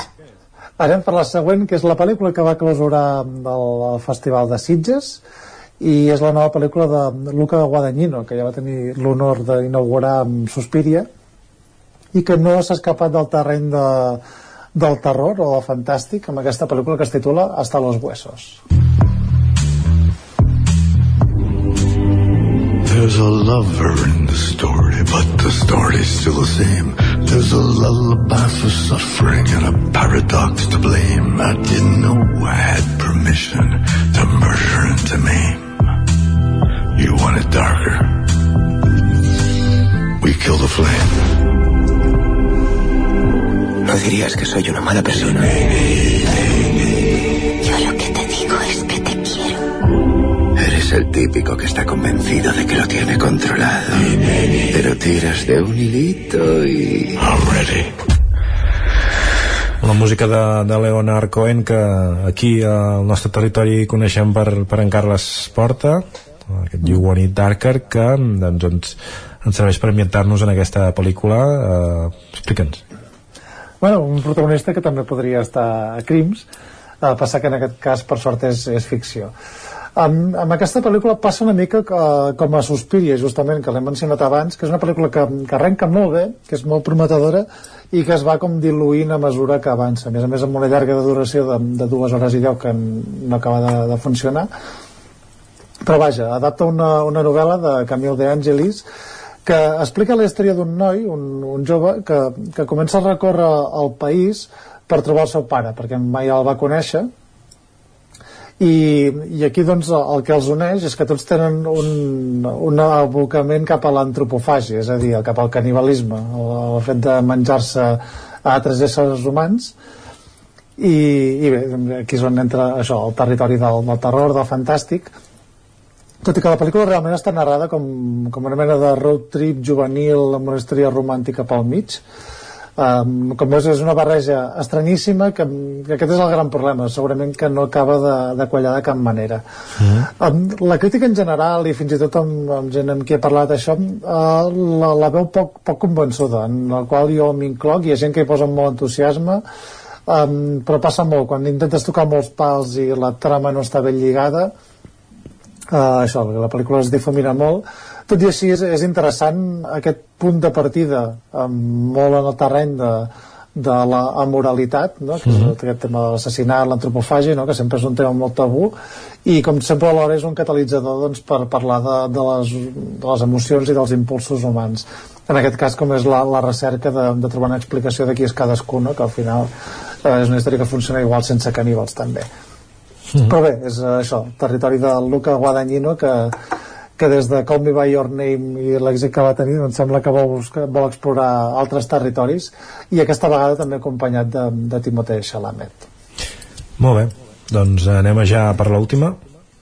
Sí, l'última, que és la- l'aposta familiar de la setmana, una nova pel·lícula produïda per Disney que es titula Mundo Extraño.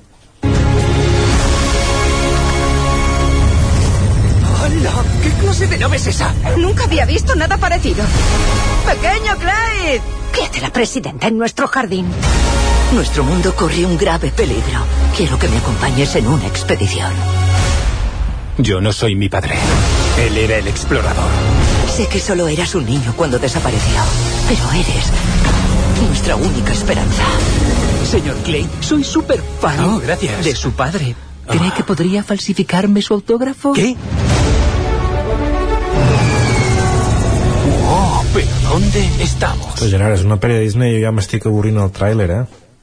Sí, de fet és una mica la recomanació però alhora també amb prudència um, sí que és uh, una pel·lícula bastant avorridota uh, però bé, és un entreteniment familiar que, que bàsicament el que em crida l'atenció és que, que els protagonistes siguin una família justament.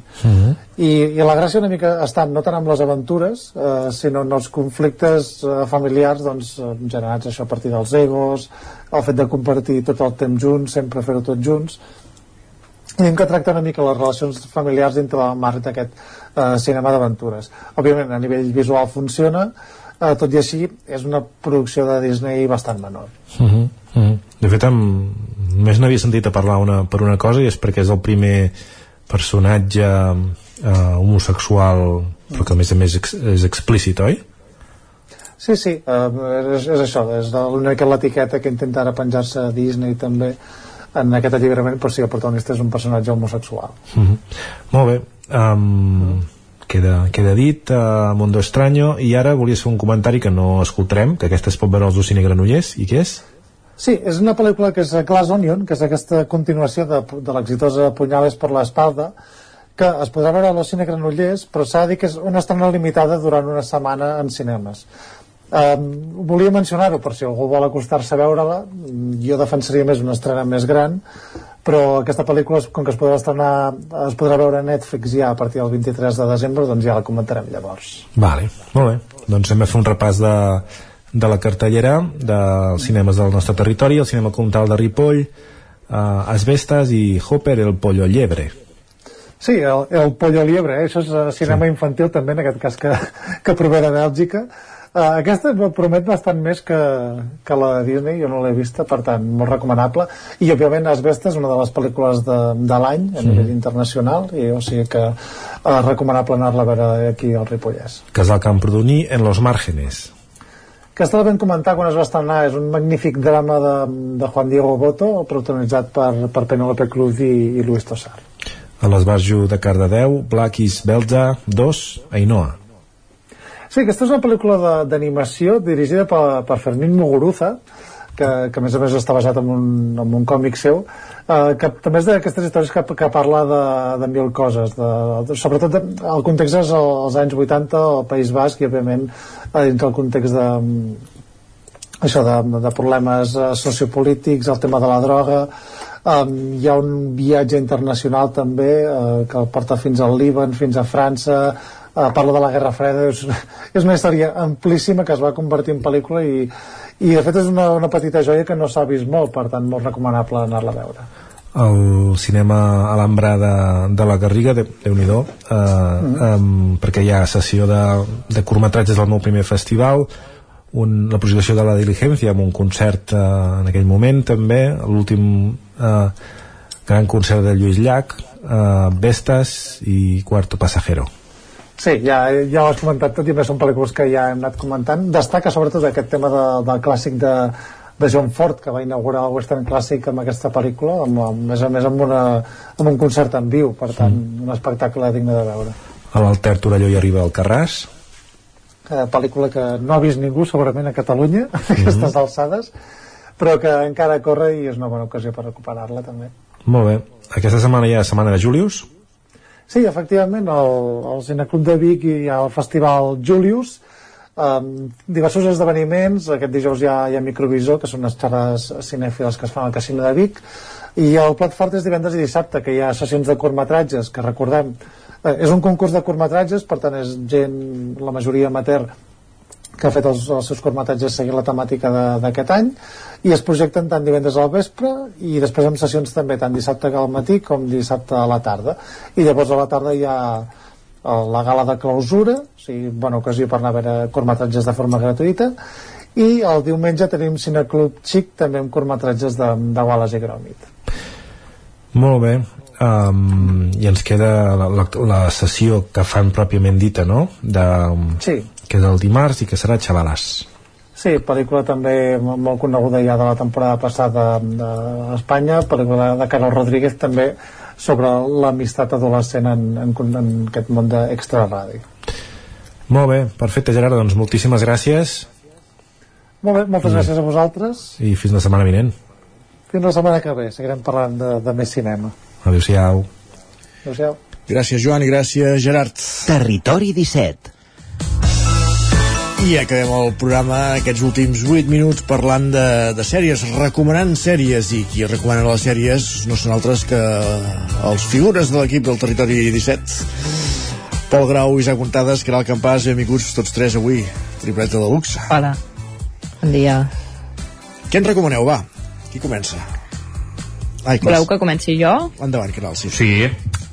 Va. Uh, mira, us porto una sèrie que he començat fa relativament poc, però que fa molts anys que està en dansa, diguéssim. Uh, porten 11 temporades, es diu Shameless, i és una sèrie de televisió estatunidenca de comèdia dramàtica, uh, dirigida per John Wells, que doncs, és una adaptació d'una sèrie britànica que porta el mateix nom i hi ha actors com William Massey i Emmy Rossum. Eh, és, un, és una sèrie ambientada al sud de Chicago i, i passa, hi ha algunes escenes que estan rodades a Los Angeles i eh, tracta, doncs, eh, és crua, po- podríem dir, tracta temes complicats com l'alcoholisme i les malalties i trastorns mentals, però en clau d'humor. I diguéssim que és el dia a dia d'una família del tot disfuncional, uh, però bé, és, és molt divertida, és per passar una bona estona, molt lleugera, però alhora el que m'agrada és això, que tracta temes uh, això, complicats, com això, malalties mentals, alcoholisme, uh, i tot un reguitzell d'altres coses que no els hi van massa bé. Shameless, I a quina plataforma ho trobem? Mira, jo l'estic veient a Amazon Prime, crec, sí. Ara us ho confirmo, després de que el Guatre expliqui. Qui continua, va?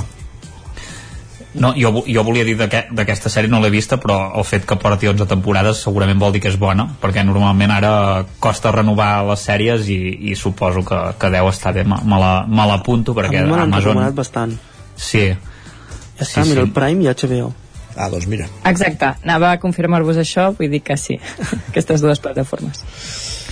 Mm, si voleu recomano una sèrie que, bueno, que ara fa res s'ha estrenat la, la segona temporada per això està una mica d'actualitat que és uh, Warrior Noon uh -huh. que seria la, la, la monja guerrera està en castellà uh, la trobem a, a Netflix és una sèrie que té dues uh, temporades uh, una primera temporada de 10 capítols i una segona de, de 8 i va sobretot d'una noia és més lleugereta, eh, aquesta sèrie, no us espereu grans, com, com amb Chambliss, no, us, no us espereu que sigui una cosa molt profunda, eh? Uh, és una noia de, de 19 anys que, que ha mort i que, que gràcies doncs, a, a un halo, un halo no, no, recordo com es diu en català, l'anell que porten els àngels, diguéssim, a, sí. al cap, doncs uh, l'introdueixen i aquesta noia ressuscita amb poders uh, divins, no? Uh, resulta que després la, la, la les noies d'un...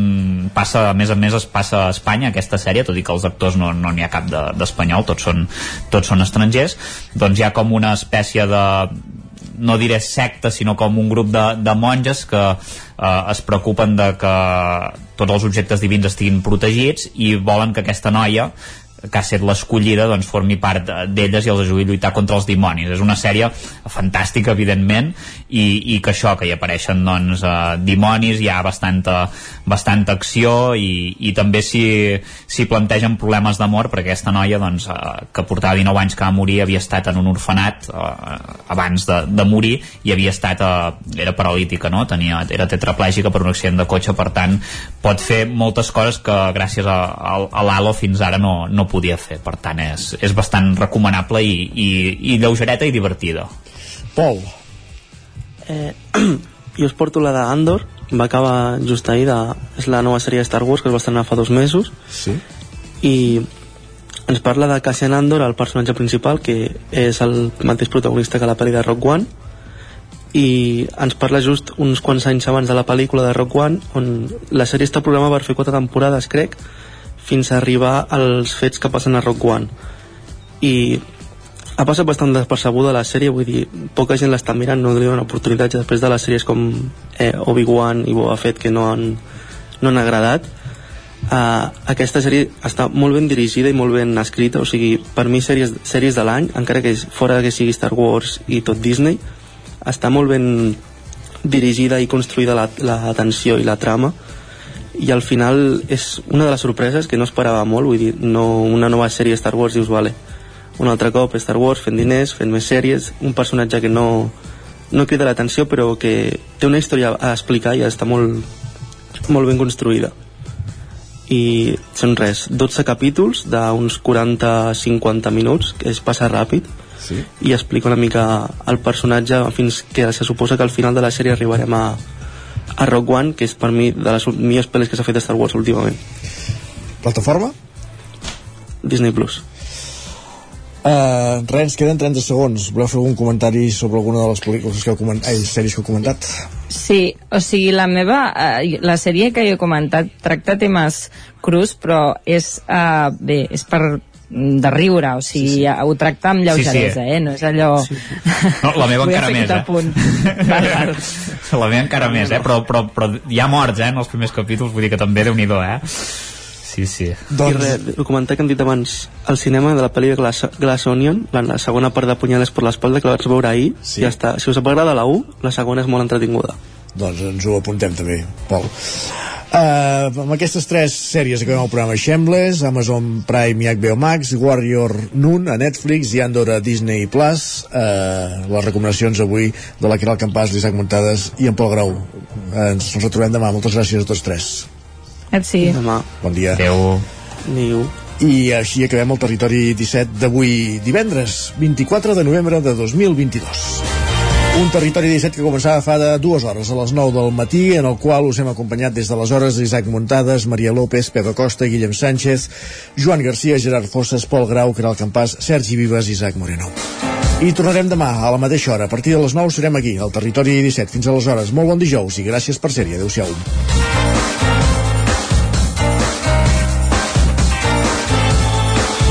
Territori 17 un magazín del nou FM. La veu de Sant Joan, Ona Codinenca i Ràdio Cardedeu amb el suport de la xarxa.